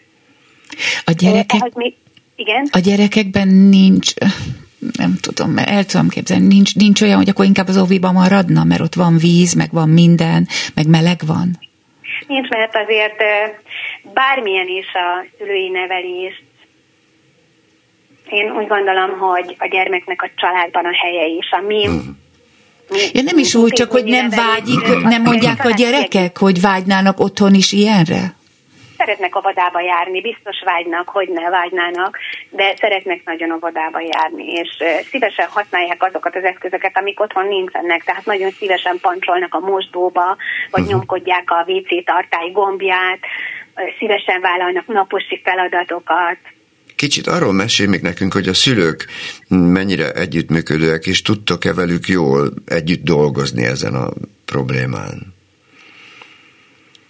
Igen, több programot szervezünk, amelyben a szülők nagyon szívesen bekapcsolódnak. Uh-huh. Gondolok itt például ünnepi játszó délutánok, ahol a szülő a gyermekével együtt készítheti el az ünnepi asztal díszít, aztán sportnapok, gyermeknapok, ahol együtt versenyezhetnek, és a kirándulások. Például jártunk Debrecenbe a Kerekerdő élményparkba a szülővel együtt, uh-huh. több alkalommal ellátogattunk a Nyíregyházi állatparkba, aztán lehetőségünk volt elmenni a Maja játszóparkba is, és ezek nem csak azért is értékesek, mert sok család nem engedheti meg azt, hogy ilyen helyre elvigye gyermekét, hanem ilyenkor egy közelebbi kapcsolatot alakíthatunk ki a szülőkkel. Megismernek mint, minket, gyermekük kapcsolatát a pedagógusokkal, és ezáltal egy szorosabb, bizalmi légkör alakul ki a szülőpedagógus között. És ez azért is fontos, mert elfogadják, jobban elfogadják nevelési módszereinket, javaslatainkat, és bátrabban kérdeznek esetleg gyermekük fejlesztésével kapcsolatban. Tehát úgy érzitek, hogy akkor ti fejlesztitek a szülőket is? Igen. Igen. Tehát, van, tehát Jó, megengedik. mondtam. Igen. Úgy név nélkül esetleg tudsz-e nekünk olyan történetet mesélni az utolsó percekben, ami különösen megérintett, amivel mi is együtt tudunk gondolkodni vagy érezni? Na, Természetesen több is van, de talán érzelmileg az ilyen esetek viselnek meg engem legjobban személyesen. A gyermekvédelem kezdeményezte az egyik kislány családból való kiemelését a szülők elhanyagoló nevelése miatt. Uh-huh. És a gyermek abban a nevelésében került az óvodába, őt egy nyugodt, kiegyensúlyozott, barátságos kislányként ismertük meg. És próbáltam még időt kérni, hogy a szülőnek hát ha sikerül megfelelni a gyermekvédelem által előírt feltételeknek, de mint közben kiderült, a szülők már ezt a lehetőséget többször megkapták, és nem történt változás. Így be kellett látnom, hogy a gyermek érdekében el kell fogadnom a gyermekvédelem döntését. Persze, hát ez személyesen megviselt, hiszen tudjuk, hogy a gyermeknek a szülő érzelmileg egy olyan biztonságos hely, ahol nem a körülmények határozzák meg ezt a kötődést, hanem a születés pillanatában kialakult szoros kapcsolat. De ott rossz szülők voltak, most idézőjelben, de hát konkrétan is, vagy csak a családi körülmények? Volt. Igen, igen, tehát nem tudták biztosítani, tehát anyagi problémák is voltak, meg nem tudták biztosítani ezeket a tárgyi. De amúgy meg jó tárgyi szülők voltak? Feltételeket tessék. Amúgy jó szülők voltak? Szeretete. Én, én nem tudok olyan szülőt mondani, aki esetleg nem szeretni a gyermekét, és azért, Persze. azért ö, anyagolja el a gyermekét. Mm. Tehát itt mindig is nagyon a gyermekszeretet minden családban megvan. Tehát, Tehát vannak- vannak- a gyermekeket. Vannak azért ott sikertörténetek is, gondolom, és ti is kaptok ebből vissza. Előfordult, hogy sok jó érzésed lett ebből, hogy a munkátoknak ö, milyen eredménye van, hogy a gyerekek az óvodában jól tudtak szocializálódni, hogy kialakultak szoros kötődések. Hát igen, tehát vannak, persze vannak sikertörténetek, mm, hiszen kis településen élünk, és, ö, és itt mindenki ismer mindenkit. Tehát Igen. az óvodában dolgozók pedig a községi rendezvényeken is aktívan részt vesznek, ahol találkoznak boldogódásokkal.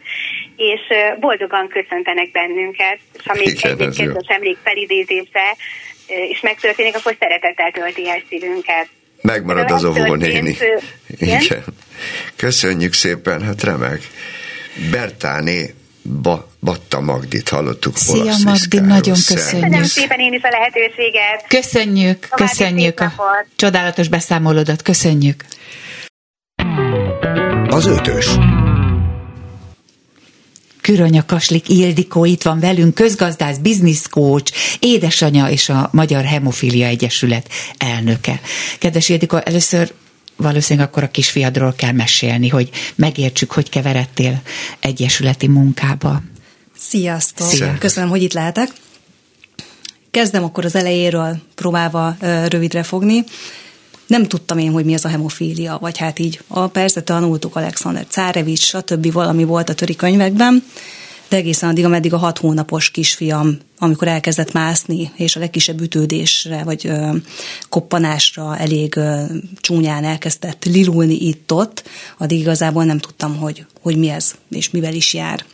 Ez a betegség állapot, végül is mindegy, hogy, hogy hívjuk.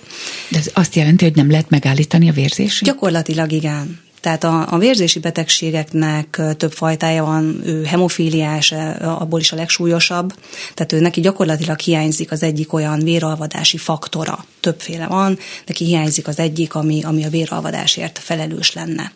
Az ő esetében egyébként megelőző megelőző kezelés nélkül akár spontán belső vérzések is előfordulhatnának. Szerencsére, szerencsére egyébként most már ott áll Hány az éves? orvostudomány. Most két éves és három hónapos. Tehát egy óvatosabb életre kell tulajdonképpen felkészülnie. Abszolút. Tehát az első, igen, az első fél év az még a kis térdvédőben, könyökvédőben, Igen. fejvédőben, amikor elkezdett mászni, járni, tanulni, de egyébként van olyan preventív, tehát kívülről beadható ez a, ez a véralvadási faktor gyakorlatilag, ami, ami nála hiányzik. Úgy kell elképzelni nagyjából, mint ahogy a diabéteseseknek az inzulint kívülről. Náluk egy kicsit bonyolultabb, mert vénásan kell beadni a készítvényeknek a többségét, Tehát és ezt naponta is te adod be, vagy mindig el kell vinni? Ez esetfüggő. Hetente. Esetfüggő, az elején megtanítják a szülőket, tehát egyébként erre nagyon jól kidolgozott rendszer van, és az orvosokkal nagyon szorosan, és hát ugye évtizedeken élethosszig együttműködve kell ezen, ezen dolgozni. Az elején a szülő az, aki bizony bejár a kórházba hetente, hetente kétszer, és megtanulja vénással megszúrni a fél éves gyerekét. Aztán ugye ez úgy kialakul, és a napi rutin Igen. része lesz. És a gyermeked meg elfogadja, mert tudod, szokták mondani, hogy a szülő ne tanuljon a gyerekkel, de hogy még szúrja is, tehát hogy a kisgyerek ezt elfogadja, és minden oké? Okay? El, elképesztő reziliensek ezek a gyerekek. Aha. Meg a szülő, a szülő meg rá van kényszerítve, mert választásod nincs, mint, mint, mint, mint hogy összeszeded magad, és azt mondod, hogy oké, okay, vagy két naponta bejárok a helypába megszúrni vénásan azt a gyereket, Igen. vagy meg megtanulom megoltad. szépen egy fél év alatt, és, és én ezt otthon utána fogom tudni csinálni. Tehát ő most két éves. Két éves és három De te már úgy döntöttél, hogy egy egyesületnek leszel a vezetője tulajdonképpen? Miért döntöttél úgy, hogy ezt elvállalod, ezt az elnökséget, hogy másoknak segíts ebben? Az előző elnök nagyon szépen kért, és nagyon sokat tanultam, és ezúton is nagyon hálás vagyok. És amint, amint tehát kiderült az ő állapota, elkezdtünk ezzel együtt élni, és magam, kerestél sorstársakat? Persze, ez rengeteget, rengeteget segít. Tehát rájöttem, és ugye én segítő szakmából is érkezem, tehát hogy a hozzáállás itt rengeteget segít. Tehát, hogy nem arra kell koncentrálni, hogy mi az, amit elvesz tőlünk a hemofília, vagy bármely más vérzési betegség, hanem hogy egyébként emellett meg végtelen olyan számú sors van, ahogy mi tudjuk élni ezt az életet, és igen, két naponta, három naponta, akár hány naponta meg kell szúrni, és ezzel együtt kell élni, vigyázni kell egy kicsit jobban, de de egyébként teljes életet gyakorlatilag élhetnek most már ezek a gyerekek. Úgy képzelem, hogy vannak sokan, akik nem is tudnak erről, hogy van sok olyan szülő, akinek vérzékeny gyereke van, és nem tudta eddig, hogy egy egyesülethez tartozhatna, vagy egy segítségnyújtást kaphatna.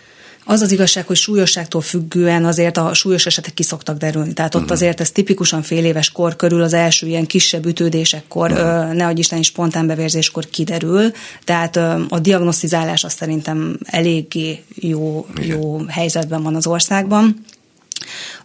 Ettől függetlenül bárkinek nagyon szívesen nyújtunk Sokan vagytok tulajdonképpen? Ritka betegségről van szó. Ritka Tehát ez egy ritka ez. genetikai betegség Magyarországon. A hemofíliák két fajtája van, illetve a leggyakoribb érzési betegségekkel együtt mondjuk egy olyan 2500 zas betegszámról van szó. És az első alkalom ez úgy nézett ki, hogy te lélek szakadva rohantál a kórházban, mert nem tudtad megállítani a vérzését. Hál' Istennek nem, ilyen sztorikat is hallottam, mi ennél egy kicsit szerencsésebbek voltunk, nekünk csak azt tűnt fel, hogy nagyon könnyen lilul a gyerek, tehát egy legkisebb uh-huh. ütésre is olyan indokolatlanul. Uh-huh. Bedagad, lila, ilyen sima kék volt. De akkor ezt most úgy kell elképzelnünk, hogy egy olyan probléma, csomag ez, amivel együtt lehet élni, vannak rá jó terápiák, és jó módszerek, és jó gyógyszerek. Igen, és ez egy élethosszig tartó, nagyon szoros együttműködés az orvossal, a finanszírozóval, uh-huh. a betegtársakkal, és egyébként ezek a gyerekek elképesztő hogy mit, mit, mit, mit megtanulnak, és 7-8 Igen. éves gyerekekről van szó, akik megtanulják magukat szúrni, vénásan De a ti szúrni. feladatotok az is, hogy erről ismeretterjesztést tartsatok. Egy, Sőt, úgy tudom, hogy voltak ebből akciók is. Ugye volt ez a gyaloglás a hemofiliás betegekért. Erről mesélj egy kicsit. Igen, az edukáción, a, a kommunikációs csatornák ö, életben tartása és ö, mellett egyébként mindig az ászlunkra tűzünk valamilyen akciót, vagy uh-huh. valamilyen szép célt. Ez például most az volt, hogy a hemofiliákat megmozdítsuk, hiszen a, főleg az idősebbek közül azért sokan a sok izületi bevérzés miatt, ami az ő gyerekkorukban történt, esetleg nehezebben járnak, stb.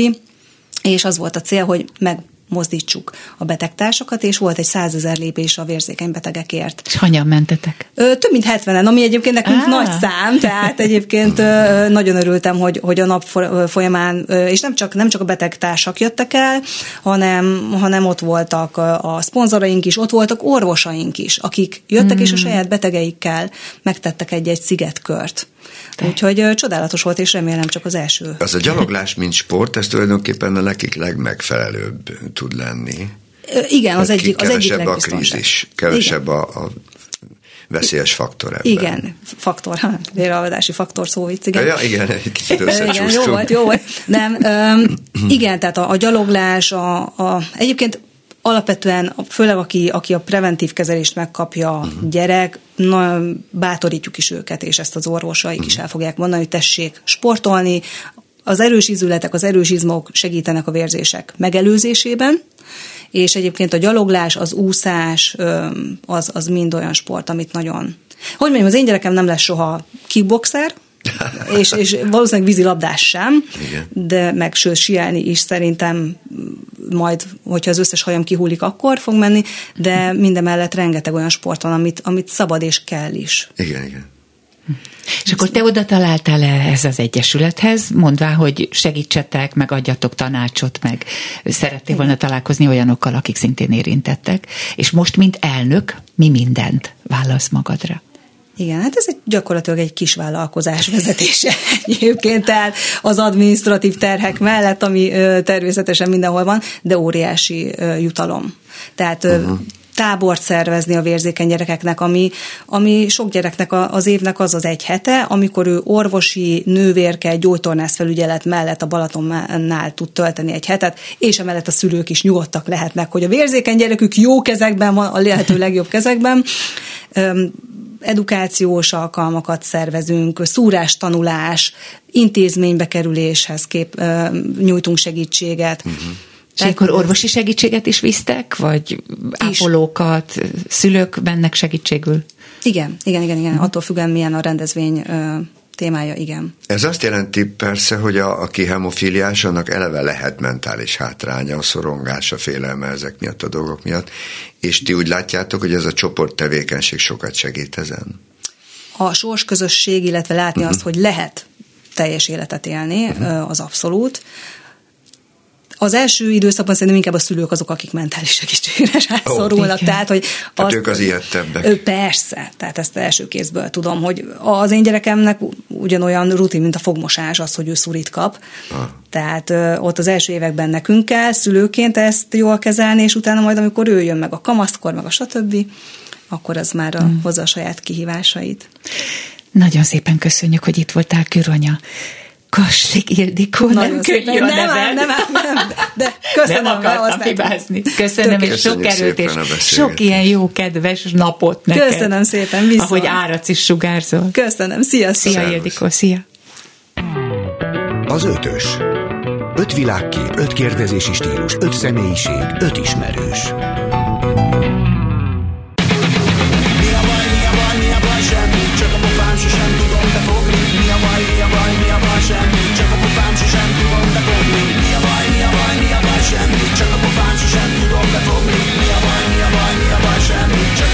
Sosem tudom befogni Bár tudnám, hogy hol a határ De én már annyitól bevadulok Hogyha nem tapadnak a csajok. Nem szólnak, hogy nagy a pofám Ilyenkor elsodor haragok Vagy épp reggelig mulatozom. Mi a baj, mi a baj, mi a baj, semmi Csak a pofám befogni Mi a baj, mi a baj, mi a baj, semmi Csak a pofám sosem tudom befogni Mi a baj, mi a baj, mi a baj, semmi Csak a pofám sosem tudom befogni Mi a baj, mi a baj, mi a baj, semmi Csak a pofám sosem tudom befogni Társaságban az a szokás Hogy a társaságra figyelünk Meg még az öntudatra ügyelünk Általában ki a hibás Tudom, hogy az ki boldogan ugat Vagy épp ráncigába iszogat Mi a baj, mi a baj, mi a baj, semmi Csak a pofám sosem tudom befogni. Mi a baj, mi a baj, mi a baj, semmi. Csak a pofám sosem tudom befogni. Mi a baj, mi a baj, mi a baj, semmi. Csak a pofám sosem tudom befogni. Mi a baj, mi a baj, mi a baj, semmi. Csak a pofám sosem tudom befogni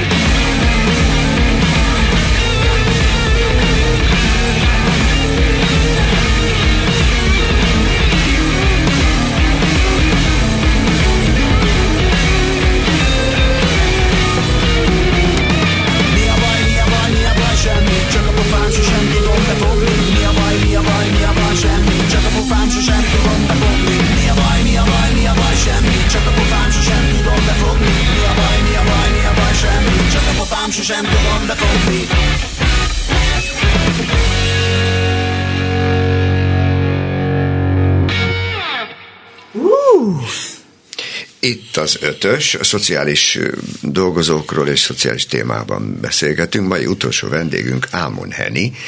Szervusz. Szervusztok. Hát akit a hallgatók már jól ismernek az ötösből. Heni ajánl, ajánl Gábor János ötösében minden pénteken szuper recepteket, de most egy kicsit az önkéntes munkádról fogsz mesélni nekünk. Először is Sándor sztoriáról. Igen, e, ezzel kezdődött minden. Hagy köszönjek. Szervusz Kriszta, Hát szervusz szia. Attila, kedves hallgatók, szervusztok. E, Igazából Sándorral teljesen a véletlen szülte az ismerettségünket, vagy a találkozásunkat.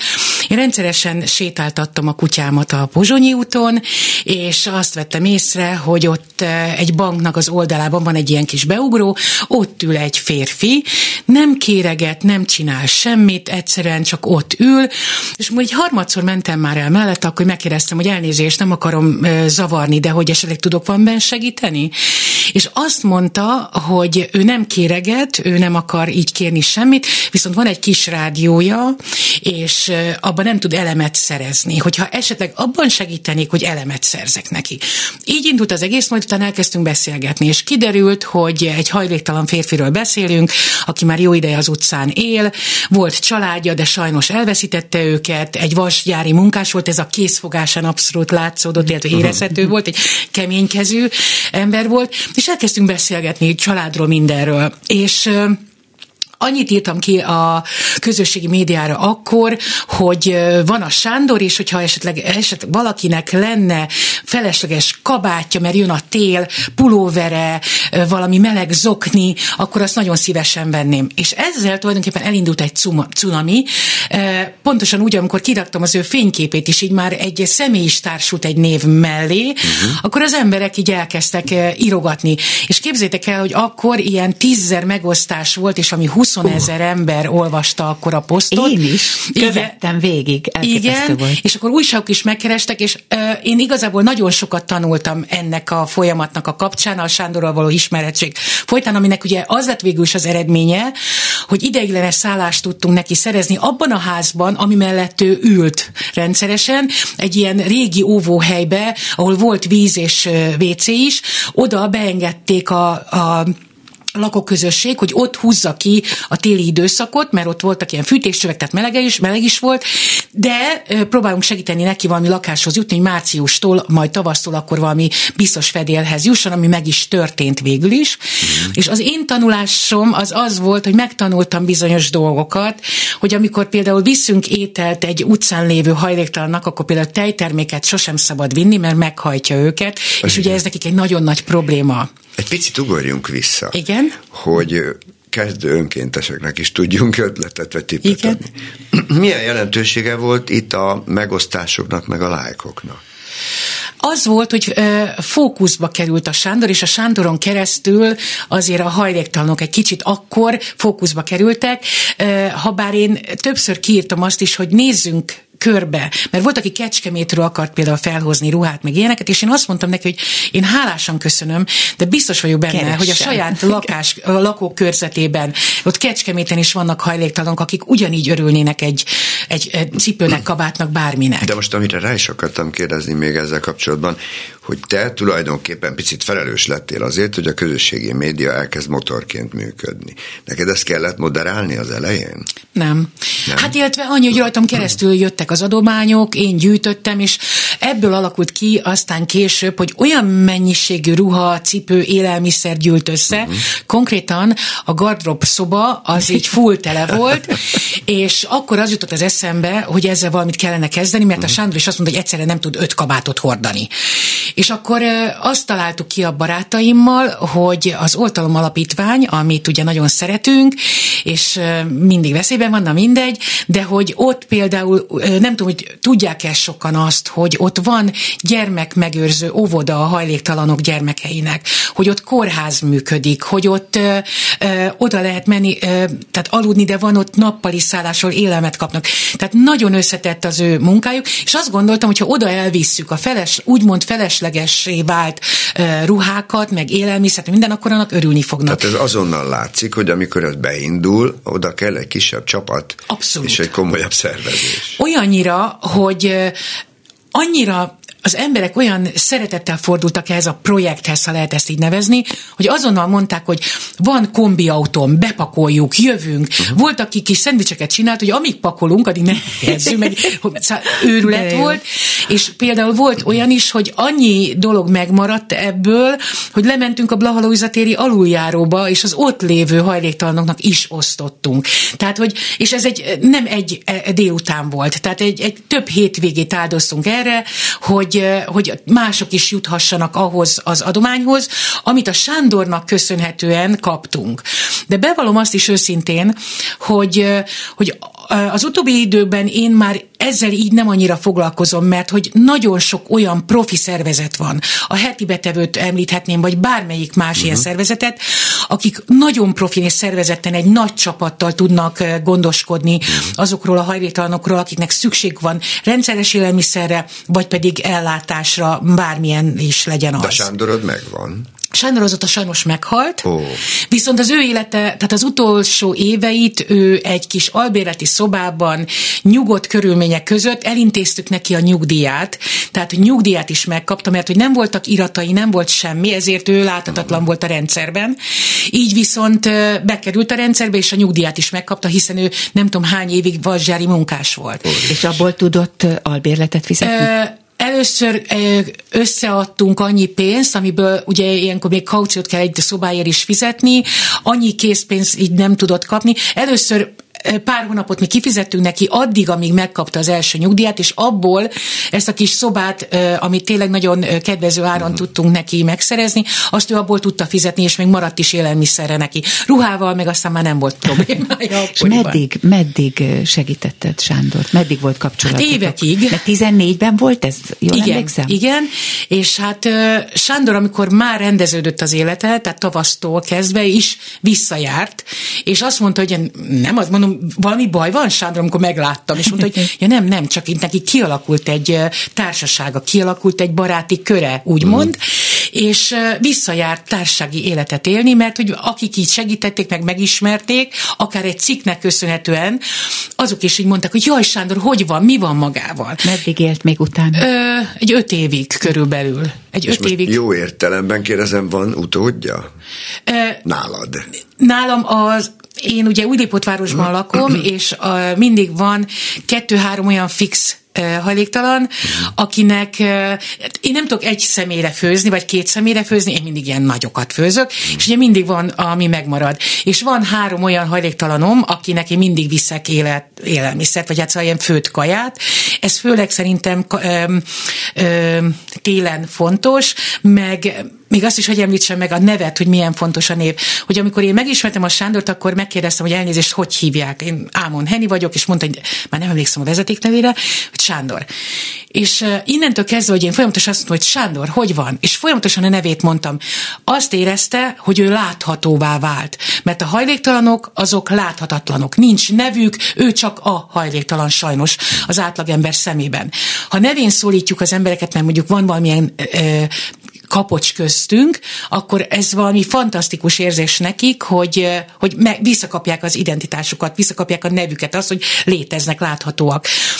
Az utódokra visszatérve, ugye karácsony nekem is egy fontos időszak, de hogy mindig viszek, én halászevet szoktam készíteni, meg töltött káposztát, minden egyes alkalommal, még aznap 24-én én leviszem, mert megbeszéljük, és ott várnak is engem, és viszem le még melegen, mert ugye télen ez így hamar kihűl, mert ugye azt gondolom, hogy mindenkinek joga van az ünnepezni, akkor is, hogyha nagyon korlátozott és nagyon rossz körülmények között is él, de legalább annyi, hogy megérintse az ünnep szele, ha más nem, akkor én a, gasztronóm, a gasztronómiában vagyok jártas, ha én ezzel tudok hozzájárulni, akkor én ezzel, hogy ahogy egy gyertyagyújtás és vacsoránunk megvan, én azonnal megyek le, és akkor ez, ez egy ilyen, szóval vannak utódok rövidre Ja, neked így megvan akkor a dolgot karácsonykor, de 12 éve van a morzsaparti a Blahán. Ez így van. Várunk, szeretetes, kezded el első alkalommal, vagy Attila, te is kezded, de ott állt 50 ember ö, ö, csomagokkal a kezükben, és mondták, hogy na akkor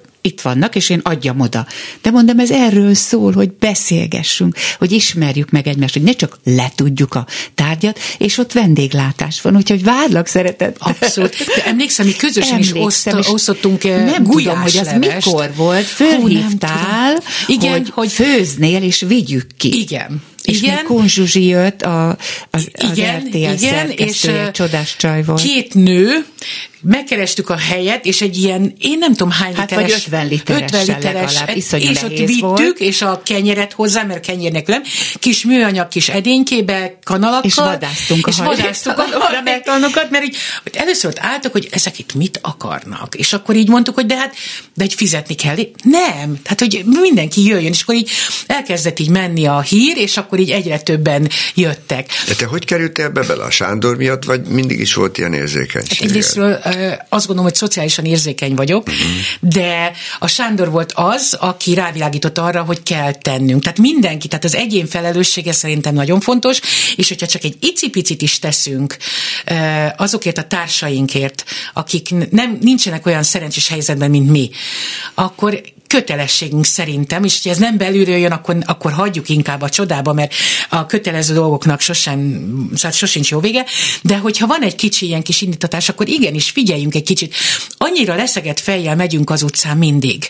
Ez annyira egy magyar szokás, hogy leszegjük a fejünket, vagy a telefont nézzük, vagy pedig megyünk, és ilyen megyünk, és nem látjuk az embereket, nem beszélgetünk, amit te mondasz, Kriszta, hogy, hogy az emberek, eh, még hogyha kapnak is valamit, azt gondolják, hogy gyorsan azt, hogy el kell, hogyha egy hajléktalan egy ételosztás, hogy gyorsan akkor el kell menni, mert ez az enyém, és akkor, de nem, nyugodtan beszélgessünk.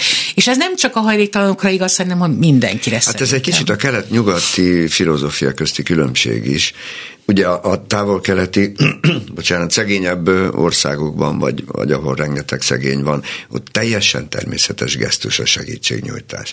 Tehát, hogyha Indiában egy koldus elkezd kérni, természetes, hogy mindenki valamit ad neki. Nyugaton talán százból három, négy, öt. Mert a, a reflexeink mások. De ugye nagy felelőssége van nem csak a szociális munkásoknak ebben, hanem tényleg nekünk is, a médiának és a közösségi médiának. És hát most dicsérjük meg itt a Klubrádió szerkesztőjét is, aki ezt a témát idehozta. De biztos, hogy ezen tudunk segíteni, te is így látod. Hát Abszolút. Bocsáss meg, Ilyen Kriszta. felnőttekkel, mint te. Én azt gondolom, hogy nekem egy, egy, egy lehetőséget hozott elém a sors, amivel én akkor úgy tudtam élni, és kinyitotta a szememet, vagy felnyitotta a szememet arra, hogy sokkal nagyobb felelősséget kell vállalnunk, hogyha ezt megtehetjük. És, és innentől kezdve Szóval azt gondolom, hogy, hogy én megértem azt, amikor naponta mondjuk tizen jönnek az utcán oda, hogy egy kis aprót kérek, és te már adtál háromnak, és neked sincs annyi, hogy mindenkinek tudj egy százast, ötszázast adni, és akkor azt mondod, hogy ne haragudj, de már, már a mai, mai penzumot már teljesítettem, nem tudok adni. Ők megértik, nekem kellemetlen, hogy már nem tudok többet adni, de akkor is szerintem azért ez fontos, hogy ne menjünk el mellettük, csak úgy. Persze, azért azt ki lehet szűrni, hogyha valaki úgy kamuból kér, mert ilyenek is vannak. Uh-huh. Tehát aki, uh-huh. aki csak úgy tudod, úgy lézeng, és szeretne a, nem tudom, egy valamit még venni. Az is nagyon fontos szerintem, hogy amikor adunk, akkor ne ítélkezzünk. Tehát például, hogyha egy, egy alkoholista ül ott velem szemben, és azt mondja, hogy adjak már neki 10-20 forintot. Nagyon sok ember elfordul, mert azt mondja, hogy jaj, hát ez egy iszákos, és Piára biztos, hogy adok, piára. igen. Így van. Te ne ítélkezz. Ha te adsz, és megnyílik a szíved, vagy a zsebed, vagy a pénztárcád, akkor te nem mondd meg, hogy ő mire költse azt. Ha adsz, akkor adj, ne kérdezz, hogy mire kell, ha nem adsz, akkor meg menjél tovább. De nem kell uh, ítélkezni, vagy nem kell kérdezni és firtatni, hogy na akkor ezt azért adom, hogy akkor most vegyen magának kenyeret. Ha éhes lesz, vesz magának kenyeret, hogyha neki ital kell, mert különben nem tudja túlélni pszichésen, fizikailag az utcai létet, uh-huh. akkor akkor ez az ő választása, vagy hát nem az ő választása, de belekerült ebbe. Ez van. És az, a, itt tanítani nem akartad őket? Vagy, vagy nem is tudom, hogy ezt tanításnak hívjuk-e, hogy akikkel most beszélgetsz, vagy a három hajléktalanoddal, hogy menjenek be, ha hideg van hajléktalan szállóra. Vagy erre azt mondják, tudjuk mi a válasz, hogy nem megy be, mert Ez olyan szinten zsigeri ellenállás a legtöbb hajléktalanban, mert hogy azt mondják, hogy ellopják a dolgaikat, ágyi poloskás ágyba kell belefeküdniük, és hogy inkább kint az utcán a mínusz 10 fokban is, mint sem, hogy bemenjenek egy fűtött intézménybe, ahol ott kapnak egy ágyat, azt gondolom, hogy a sok ö, negatív tapasztalat, és ez is szájhagyomány útján terjed szerintem, mert van, aki életében nem volt egy ilyen szálon, de mégis azt hallja a többitől, hogy nem menj oda, ellopják a kis értékeidet, meg nem tudom mi. Szóval, hogy ez egy zsigeri ellenállás. Én azt gondolom, hogy nem, tehát én hiába mondom neki, hogy neked jobb lenne egy fűtött, nem tudom, mert én nem voltam ott. Én nem mondhatom neki azt, hogy menj el ide vagy oda. Ha én ott vagyok, megnézem, és én is megtapasztalom esetleg azt, amit ők, akkor mondhatnám. De ugye ezt nem fogom megtenni, és így nem tudom azt mondani, de hát neked ez jobb lesz. Ha, ne, ha ő ezt, szóval én azt tartom fontosnak, hogy ne erőszakoljunk rájuk semmit. Igen, egy ilyen szociális segítség az nem feltétlenül azt kell jelentse, hogy őt az eddig életformájáról le kell venni, és meg kell változtatni. Az én falumban is, Balatonon volt, már sajnos nem él, egy hajléktalan, aki évtizedekig hajléktalan volt. És egyszer az öcsém mesélte, hogy látta előadást tartani egy ilyen gyűlésen. Fantasztikusan, okosan megborotválkozott, megfürdött, kapott ezt-azt, egy hét múlva megint kint volt az állomásnál a szokott helyén, mert ő nem tud szabadság nélkül létezni. Ő így szokta meg. De attól még neki akkor is segíteni kell. Gondolom a Krisza arra is gondolt, hogy, hogy ugye tanítani, hogy van azért egy csomó, hát nem csomó, de jó pár pozitív példa is van, amikor sikerül valakinek kimászni ebből a gödörből, és azáltal, hogy, hogy vannak igazolványai, tudott vagy munkát találni segítséggel, tud rendeződni az élete. Sajnos kevesen vannak ilyenek, de szerintem azért van ilyen pozitív példa, de mindenkit nem lehet megtéríteni, hogy, hogy van egy másik út is. Igen. Van, aki annyira hosszú évek óta kint élnek, akik van, akik tizen éve kint élnek az utcán, azok már arra szocializáltak, szocializálódtak sajnos, Igen. szerintem, és el se tudják képzelni azt, hogy a, amit te mondasz, hogy négy fal között bezárva. Tehát, hogy a, ez, számunkra ez a, a legrosszabb, hogy utcán élni. Valószínűleg neki sem egy leányálom, de mégis a szabadságérzete neki így megvan, és ő ezt nem akarja feladni. És te tagja lettél egy újabb közösségnek ezzel? Azt meséld el. Nem, nekem mindig ilyen Már ötlet... nem rájuk gondolok, hanem a segítőkre. Igen, nem, nem csatlakoztam ilyenhez.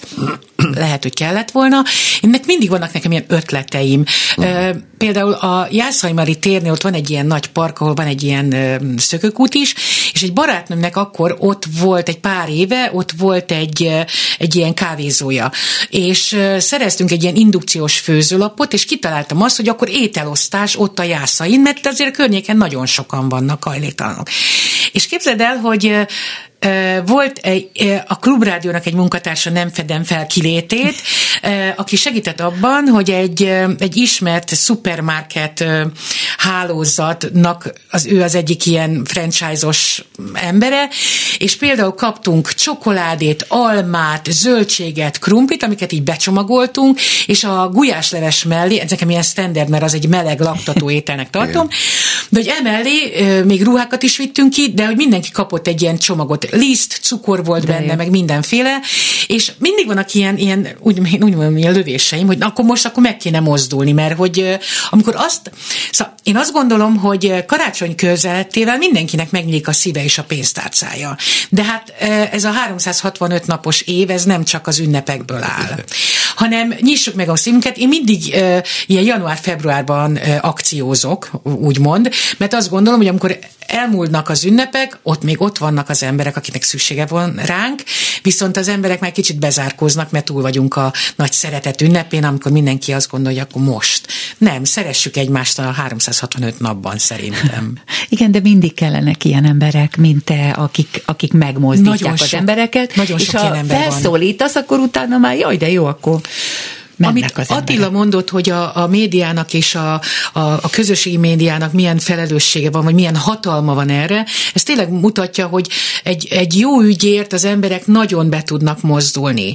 És azóta is nekem vannak olyan ismerőseim, akiket én ott ismertem meg ezeknél az ételosztásnál, uh-huh. mert csak csatlakoztak a uh-huh. felhívásra. Vadidegenek voltunk egymás uh-huh. számára. A mai napig is így ismerősök vagyunk, és tudunk uh-huh. egymásról, mert összeköt valami minket. És azt gondolom, hogy ez nekünk a mai világban még terápia is nekünk. És szoktam azt mondani, hogy adni az, az nem csak annak jó, akinek adunk, hanem nekünk. Tehát ez egy önző történet szerintem, mert a mi lelkünk az olyan boldog akkor, hogyha tud segíteni valakin. Tehát mi leszünk boldogok, mi leszünk kiegyensúlyozottak, mi leszünk harmonikusak, hogyha valamit tudunk tenni a másik emberért. Persze az is nagyon örül, aki ezt kapja, de ez egy önző. Én, én önzőnek tartom magam, én abszolút önzőnek tartom magam, hogy a lelkemnek legyen jó. Hát erről már beszéltünk az elején egy picit, hogy adni persze nagyon jó, de itt most a legfontosabb talán, amiről eddig beszéltünk, megbeszéltél te is sokat, hogy észre kéne venni. Mert most még odáig nem jutottunk el a legelső lépésig, hogy felemeljük a fejünket, hát, tekintetünket. Igen, csak amit mondasz, hogy annyi, annyi felé emelgetheted most a fejed, hogy kapkodod a fejed. Én egyszer úgy mondtam egyébként, hogy azért vagyok önző, és azért állok bele ilyen dolgokba, mert hogy egy jó országban szeretnék élni. Ez Tehát azon túl, hogy érted, jól érzed magad, de ha még az ország is jó, akkor már kerek a világ. Meg kicsit az is van, nem, hogy a, ez a fajta szociális önkéntes segítségnyújtás, ez mindig fontos marad. Tehát hiába érkezik, majd hála Istennek egy nagyobb segítség erre, mondjuk államilag, vagy kormányzatilag, önkormányzatilag, akkor is szükség lesz, nem? Abszolút. A abszolút. szociális hálónál. És legfőképpen a beszélgetés, amit, amit mondasz, az Igen. odafigyelés, hogy hogy vagy Sándorom. És, és utána is még, tehát hogy amikor megtörténik maga a konkrét segítség, akkor utána szerintem nagyon fontos, hogy azért még ránézzünk, hogy megvan, jól hm. van. Én, azt gondolom, hogy rengeteg olyan ember van, mint én, szóval azért ne csináljunk úgy, mint hogy most én nagyon én nem tudom ki lennék. Én személy szerint rengeteg ilyen embert ismerek, személy szerint ismerek olyan szervezeteket, akiknek, e, tehát ez az életük, hogy, hogy segítsenek másokon. Szerintem a kedves hallgató, ha egy kicsit megmozította most ez a beszélgetés, akkor egyetlen egy dolgot kell tenni, egy picit kinyitni a szemünket, körbe nézni a saját házunk táján, hogy ki az, akinek egy picit tudunk segíteni, illetve, hogyha egy kicsit komolyabban szeretnénk segíteni, akkor pedig megtalálni azt a szervezetet, aki mondjuk nekünk szimpatikus, vagy aki olyan dolgokban segíti az embertársait, ami nekünk is megfelelő, tehát a mi elvárásainknak, vagy a mi elképzeléseinek. Rengeteg ilyen van, csak meg Emi. kell találni. Ámen. Nagyon köszönjük. Köszönjük, köszönöm, hogy itt lehet. Köszönjük, hogy ide jött Köszönöm áradni. szépen. Köszönjük. Szervusz. Köszönjük Ámon Henninek. Az ötös. Öt világkép, öt kérdezési stílus, öt személyiség, öt ismerős.